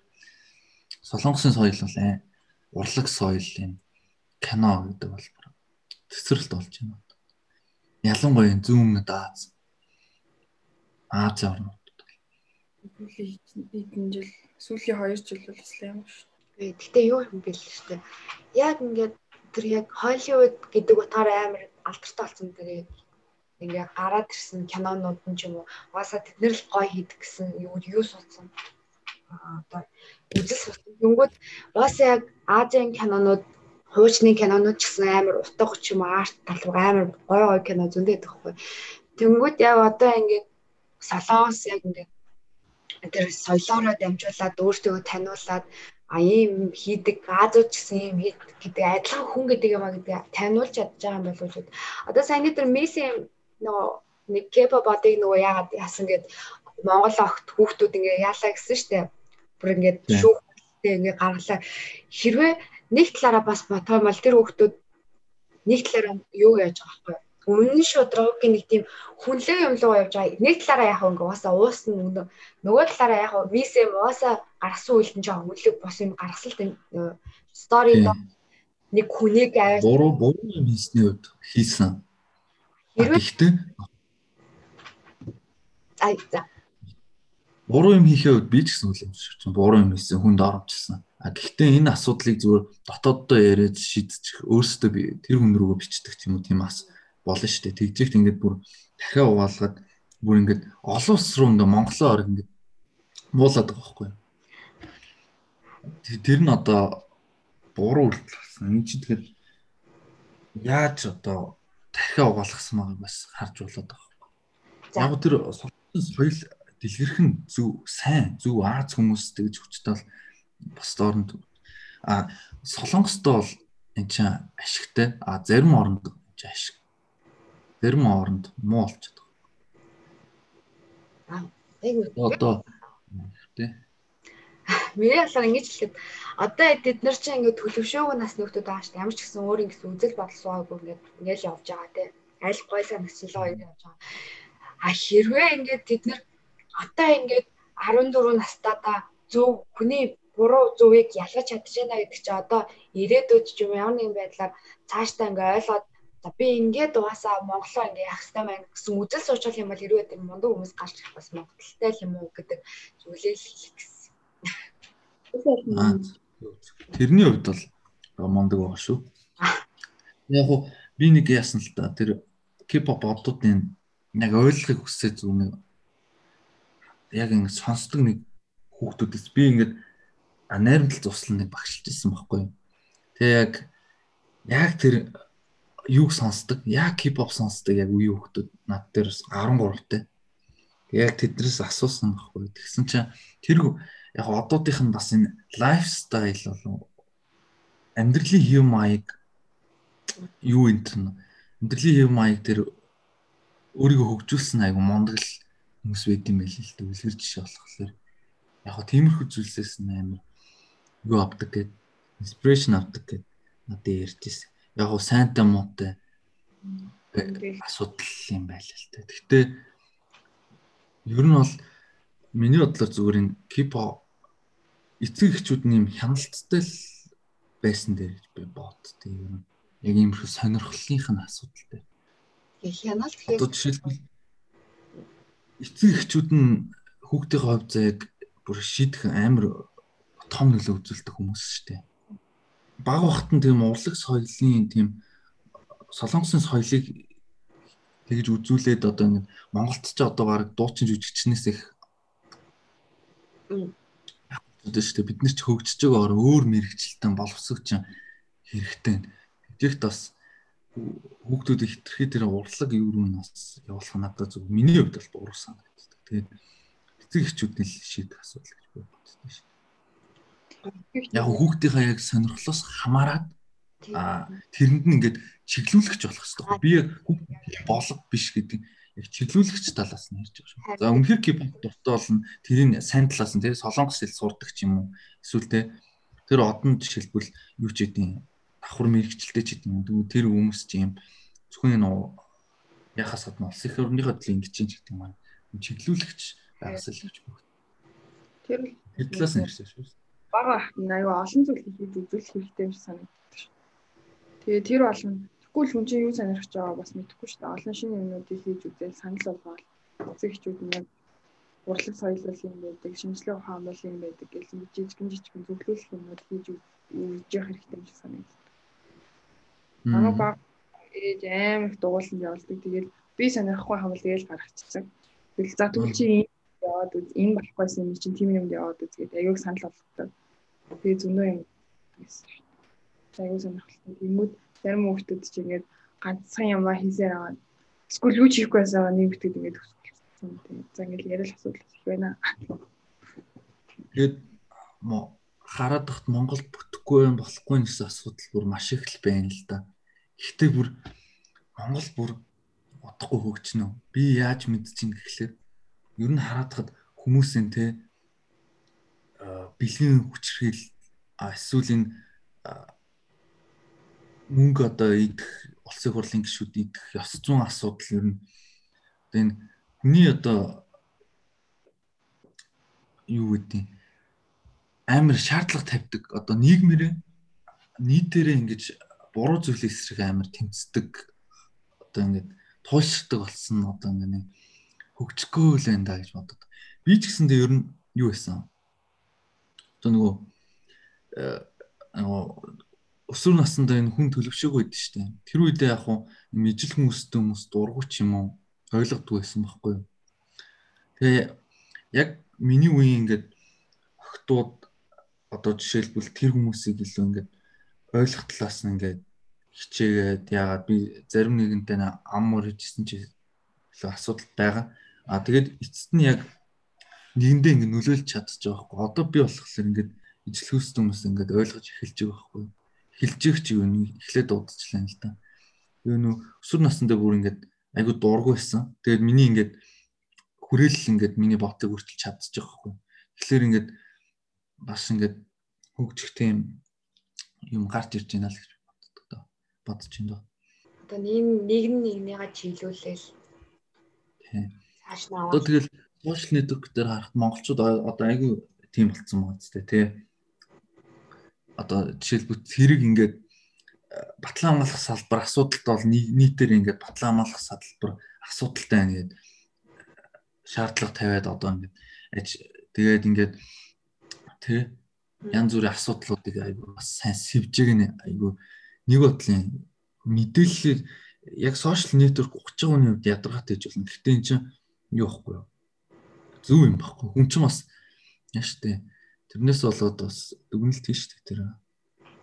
Бод төрүүлж чадчихна. Тэгээ ер нь өөр юу сонирхдаг вэ шинжлэх ухаанаас гадна одоо ингээ одоо орон суудлал гэхээс өөр амьд хөгжим юм шүү дээ. Pink Floyd сонсдог юм шүү дээ. А тийм яг хөө мэднэ. тоглолт юм л шүү дээ. Гитар тоглолт юм л шүү дээ. Тэр Instagram-ын доошо гүйлгээ үзэж. Beatles самплын юм. Аа. Нэ юу ч гэсэн дээ. Тийм зөгнөлт юм дуртай ч гэсэндээ гууч үеийнх юм амар дуртай. Уусаа аргил үеийн яг тэднэр гэж явдаг шүү. Урлаг соёл юм тий. Хөгжмийн хөгжмийн оргил. Нэг би гэсэн би нэг ном уншаад нэг амар мэдээлэл авсан гэх юм да. Нэг 300 гаруй гэдэг ном юу? Яг хуйлдаа ингээд яаж явагддаг талаар те бидний мэдэхгүй цаана юу явдаг вэ гэдэг талаар гардаг. Тэгээ хамгийн анх Америкчууд ингээ Европтой нэгдээд ингээд ухаан амаа зөөлөөд яахад бол Beatles-ийг анх гаргаж ирсэн гэж бичсэн байсан байхгүй юу? Тэгсэн чи яагаад амьд хөгжмийг сонсдог хүмүүс ийм drugs, ийм масуурах туртай тэгээд ийм хөнгөн явдалтай байдаг учраас цаашаа үржих бодол үржих шалтгаан байхгүй. Тэнгүүтээ амархан ингээд амьдралаас үүддэг юм нэг тийм амьдралын насан богиносгодог гэдэг учраас рок атлет анх Beatles-ээр гаргаж ирээд дэлхийн од болохын тулд ингэж амар спорт хийжсэн гэж бичсэн байдаг юм лээ. Би тэгж боддог байхгүй. Хүн ингээд за инженер биш байсан бол өөр юу хийж болох юм бэ гэнэ. Хоёр дахь хувилбарыг бас бодож үзтээ штэ. Байсан мах тэг. Миний хоёр дахь хувилбар болохоор би а артист одоо урлагийн хүн. Айд нуудаг ч юм уу эсвэл зураг зурдаг ч юм уу баримл хийдэг ч юм уу. Тийм артист заа юм. А тэнгуүтэй юм амьд хөгжим сонсдог. Шинжлэх ухааны талаар ерөөсөө юу ч боддгоо заа юм. Зүгээр ингээ хиппи гэж байна шүү дээ. Одоо хиппи байхыг би амар байсан бол бас гоё ч байх гэсэн болов. Яа ингээ нэг тэ арай өөр тийм тийм момент юм. Өөр ингээд миний тархин дотор одоо бүр шал өөр. Хэрвээ би өөрийгөө яг хиппи гэж төсөөлж өгнө. Одоо би 180 градус өөр нэг үнийг бас хараад байгаа юу? Тийм байсан бол илүү гоё бас гоё ч байх юм болов. Шинжлэх ухааны талаар юу ч мэдэхгүй. Тэгэл ингээд урлагийн юмнуудаа хийгээл амьд хөгжим сонсоол тэгээд ингээд амар байгаль дуртай те ингээд аялах дуртай ч гэдэм юм ингээд аялал байгалыг мэдрээл уулан давираал тэгэл амьд хөгжим сонсоол те урлагийн юм хийгээл тэгээ ингээд ямар ч тийм нөгөө ертөнц яг яаж ажиллаж ин те тийм э, яах шаардлага байхгүй тоо нэмж хасч эсвэл зураг техникийн зураг зурх шаардлага байхгүй ингээд. Тэгсэн бол бас гоё ч явах юмсан бол. Заримдаа тийм хүмүүс татах шүү дээ. Гоё их та. Тийм хүмүүс байдаг та нэг тий хиппи ингээд амьд хөгжин сонсоод ёо. Зүгээр л юмаа мэдрээ. Зүгээр л ингэ чийлтэй. Амар. Би бас хай боддیں۔ Нэг бол бүр яг тийм их нэртэй бол найз зөвхөнтэйч болтон гэж боддیں۔ Яг ингэ өөр өөрийнхөө 180 градус эргэсэн хөлбөртэй. Бүр огт тийм технологи, техник, механик юу сонирхдгүй зэ. Тэгээ ингээд зүгээр ингээд урлагийнхаа юм хийгээл амьд төгцөн сонсоол те. Гэл хиппи амьдралаар амьдэрдэг. Би тэнгүүт ингээд яа ингээд гал усаа ирч байна. Сонирхолтой. Би өөрөө тийм байсан бол гэж аяг боддог. Тэгэхээр яг уу Тэгэхээр бас үзэл бодлын зөрчилтэй ч юм уу асуудал үүсгэх. Тэр нь сонирхолтой ч юм уу. Эсвэл энийг ойлгох ч юм уу. Гоё юм. Гэж боддог шүү. Яг ингээ хоёр адилхан сонирхолтой хүн байвал амар утгартай амьдрал гэж. Харин тий хоёр эсрэг юм байж Харин тийм. Тэр чинь бүр хамгийн гоё амьдрал болж. Ядаж нэг нэгнээс суралцаа сонирхолтой дээ. Чи юу яриад аа гэл нэг тийм филм мах тий. Бие биендээ юу болж байгаа вэ? Зай тавьж өгдөг. Одоо жишээлбэл яг адилхан сонирхолтой адилхан хүмүүс болохоор бас нэг бодлоо ингээд хоорондоо хитнаалдах гэдэг үстэй. Би эндээ одоо юу гаргаж өгдөг юм уу? Одоо цаг зай гаргаж өгөхгүй яг бүх юм дээр нэг хав байгаад. Одоо бол ингээд эсрэг тесрэг байвал илүү гоё юм шиг. Яг зүгээр харилцааны хувьд амар ойлголцдог. Тэгснийг хоббин дээр эсрэг тесрэг гэвэл тэр талаас нь ярьж байгаа шүү. Тэрнээс бол бүр зүгээр ингээд үзэл бодлын хувьд ч гэсэн эсрэг тесрэг гэдэг юм биш. Хоббины хувьд Тэгэл гоё би би нэг хөндлөлтөг байх юм бол үзэл бодолч бас орно л доо. Тийм. Баса ингээд яг ингээ өөртөө яг адилхан үнтэй байгаад харч уу таартай штэ яач юмсан. Ингээ яваасаа юу хийж байгаа тодорхой, юу бодож байгаа тодорхой, дараа нь яах нь тодорхой, бүр ингээ ойлгомжтой. Тэнгүүд шаал өөрөө толцгонд яах гээд байгааг мэддэхгүй те бүр ингээ өөртөө ингээ дахиад сониуц цангаараа ингээ яваа л гэдэг. Би яг энэ талаар яагаад бодсон гэхлээр сайн нэг туулан дээр болоод ер нь амьтд дээр косметик одоо гоо сайхны бүтээгдэхүүн туршдаг гэсэн шүү дээ. Би болохоор тэрийг дэгжүүлээд өгсөн байхгүй юу? Аян бол угаасаа байх ёстой зүйл. Бараг дахиад жилөө амьтан хүнээс яах вэ? Энд чинь тийм олон амьтны амийг золиослоод наан гарах үр дүн гэж асуудал ш. Одоо жишээлбэл зөвлөлт холбоот улс чинь лайка гэдэг нохоо нохон дээр туршлал туршилт хийж сансарт нисгээд үнийг одоо сансарт нисгэх тийм юу гаргаж ирсэн шүү дээ. Боломжийг гаргаж ирсэн. Яг тэр шиг тэр амьтд дээр ийм ийм вакцин энэ төр туршиж иж одоо тэгээ хөгжил рүү илүү дөхнө. Би тэр талаас нь хүлээж авсан байхгүй. А эсрэг талын ярьж байгаа нэг охинтой би хэрүүлсэн. Тэр нэг хипэ хүмүүс байхгүй. А бүгдээрээ юу яа болим мали. Нүрээ бодхаа болим мали. Ийм хөөрхөн амьтад нэг ч амьд үхсгэн мосгүйгээд. Тэгээ би би тэр охинтой нэг яасан л да. Маргалтангуудаа яасан жоох ингээд чаталсан байхгүй. Чи бит хоёрын голоос яг нэг тийм тэнцвэр олдсон байхгүй. Чи би ч гэсэн бодсон тэр охин ч утсан. Ер нь яг тийм тэнцвэр байдал юм байна. Юм юм ингээд тэнцвэртэй л байх хэрэгтэй юм байна гэж бодсон. Аас халтай юм. Тэгээд та хоёр яасан шиг шүү. Наах тэгээд Тэгэл явах тэгэл. Гэхдээ ер нь бол жоохон бас хэцүү асуудал тийм яг яг тэр компанид ажил талаас нь харангуй түүний эмошнл дээр угаасаа амар тулгуурласан яг байгалыг инэрч хайрладаг хүмүүсийн мэдрэмжийг ингээд одоо хайхарч үздэг хүн бол хүн бол угаасаа эмзэглэхээр тийм амар компанид ажиллалээ би бас тэрнтэй танилцсан тэгээд энэ дээр л нөгөө хэрэглээгээ хязгаарлах гэдэг юм гарч ирэх байх нэгдүгээр нөгөө талаасаа тэгээд бас л угаасаа л зарим юм золиос авах хэрэгтэй шүү. Тэгэл. Гэтэ арслан жишээлбэл тэ янз бүрийн амтан барьж идээд байвал тэр чинь өөрийнхөө биологи хэрэгцээг л хангаж байна шүү. Тэр чинь бидний амьтдыг алж ийн гэдэг ална гэдэг чинь одоо бид нэр тэрнээс хүчтэй өөрсдөө хэрэгцээг хангаж байна. Бас нэг бодлын байгалийн юм л дээ. Байгалийн жамлалтаа. Гэтэ хүн хэтрүүлээд байгаа. Тэгээ тэр амьд за за байл зөвхөн лабораторитой үүсгэсэн яг нөгөө лабораторитой ингэж үржигдэж байгаа амтан болохоор чинь яг байгальд болж байгаа тэр амьтдын тоо толгой тэнцвэртэй ерөөсө хамаагүй тийм юм. А тэр амьтдыг болохоор тийм тийм угаасаа тэгжилээ. Зөвхөн яг зориулагдсан тийм бүр баг тийм шин одоо юу юм дээ. Үйлдвэр бий болгоод амьтны үйлдвэр бий болгоод туршдаг юм байл л дээ. Байгальд тэр Тэрийг бол угаасаа хүчтэй нь хүчгүйгээ идэл өвчтөө юм уу зоолонтой ч юм уу төрүүлж өгөөл тэгэл тэнцвэр нь хадгалагдчих л байгаа юм чинь.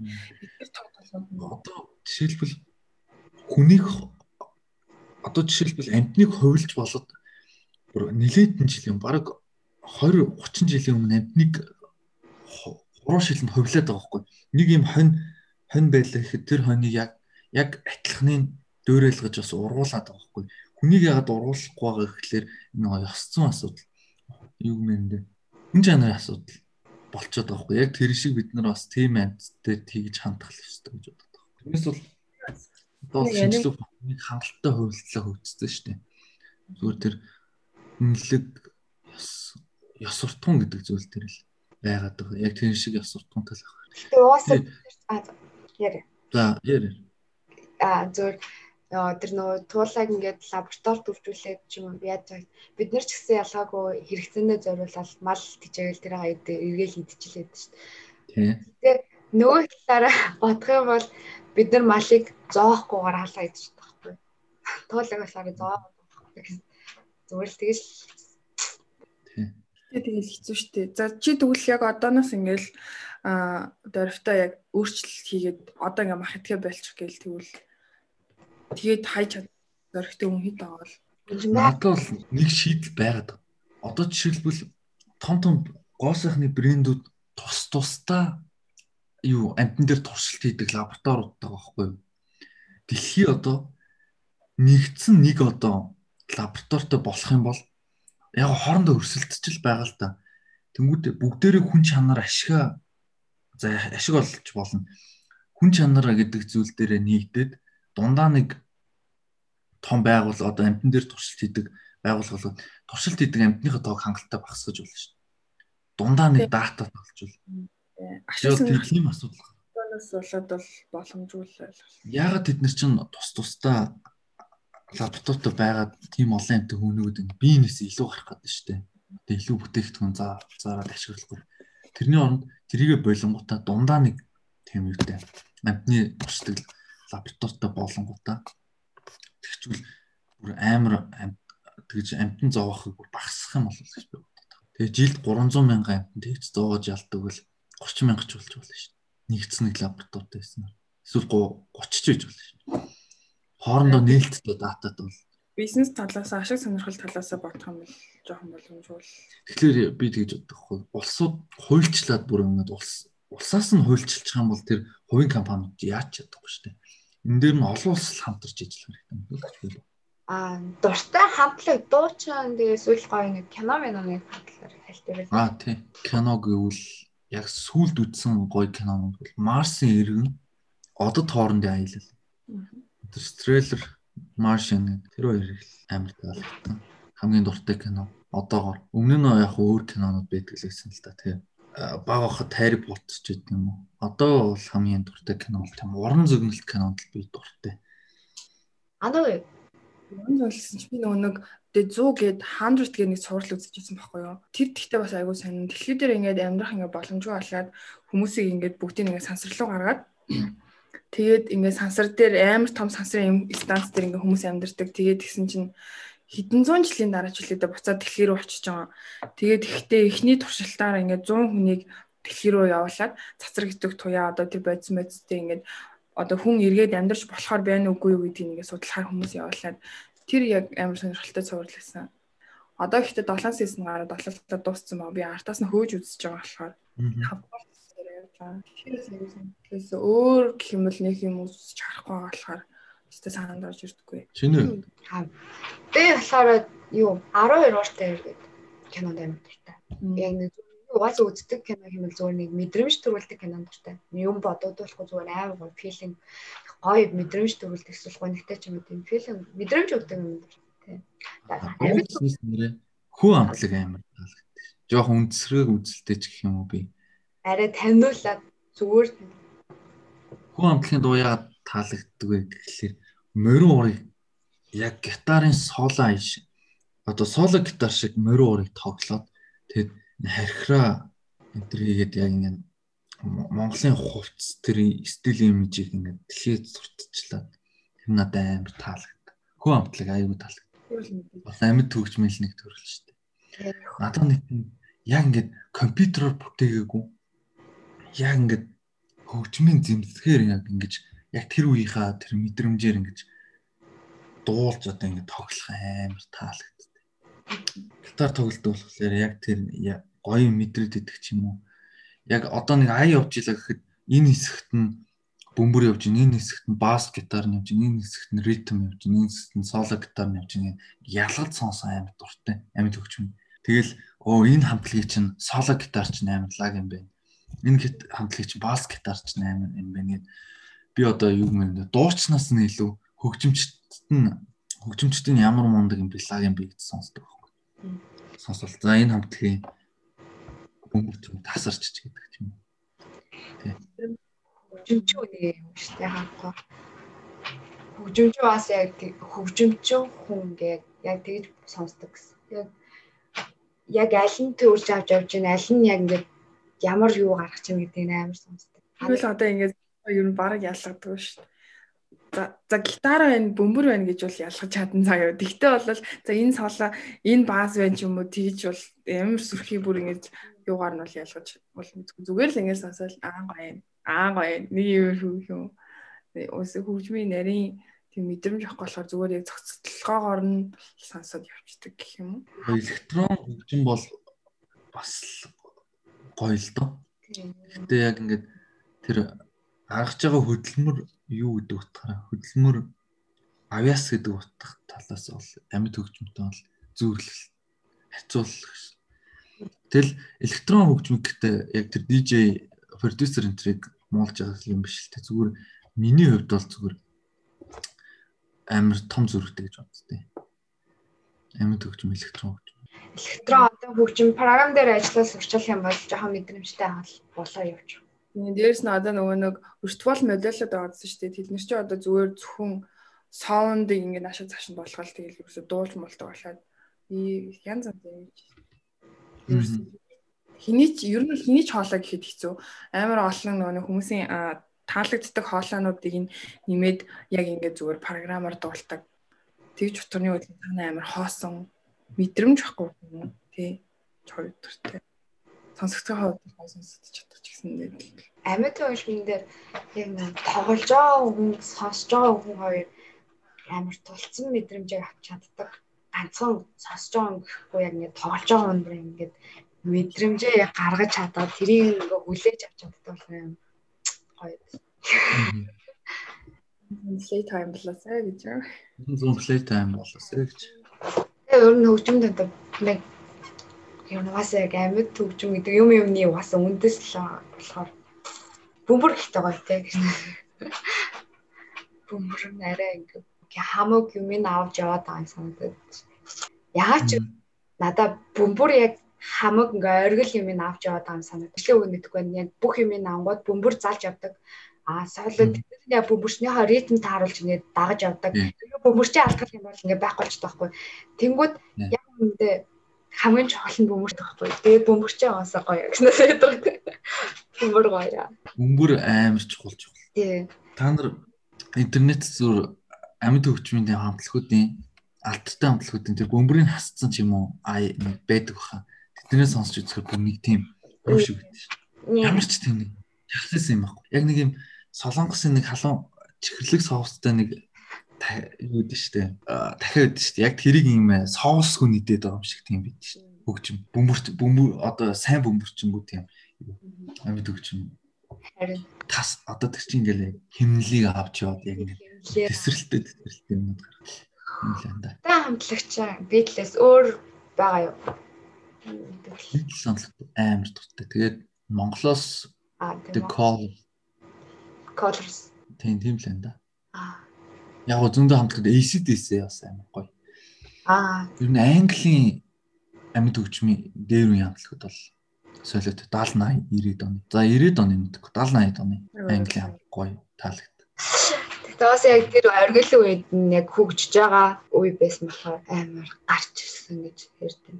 Одоо тэднэрийн сонсохоор одоо одоогийн яг чин хандлага амьд хөгжмийн хамтлагуудын ингээд дуу сонсохоор угаасаа яг дээр нөгөө өөр нэгэнд угаасаа окей компьютер хиймэл юм нэмэгдсэн баа штэ. Ингээ хүүргэлтэй тийм байдаг болохоор арай өөр гэдэг штэ. Амьд дээр үехэд одоо ингээ сонсоход яг жанр нь адилхан байгаад байдаг хэний одоо альтернатив юу гэж хэлж байна.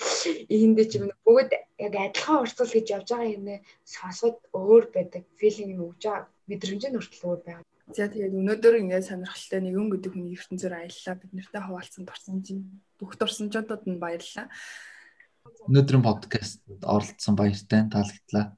За тоо амжилт хүсье. Гоё мэж тууштайгаарэ гамбар. За баярлаа. Ингээд подкаст дуслаа. За баяртай.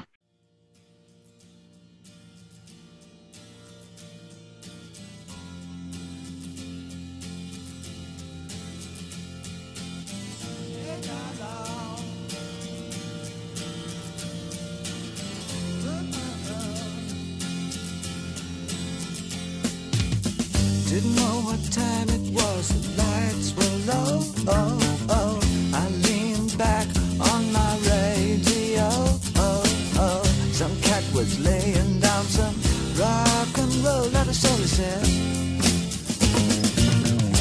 Then the loud sound, it seemed to fade. Came back like a slow voice on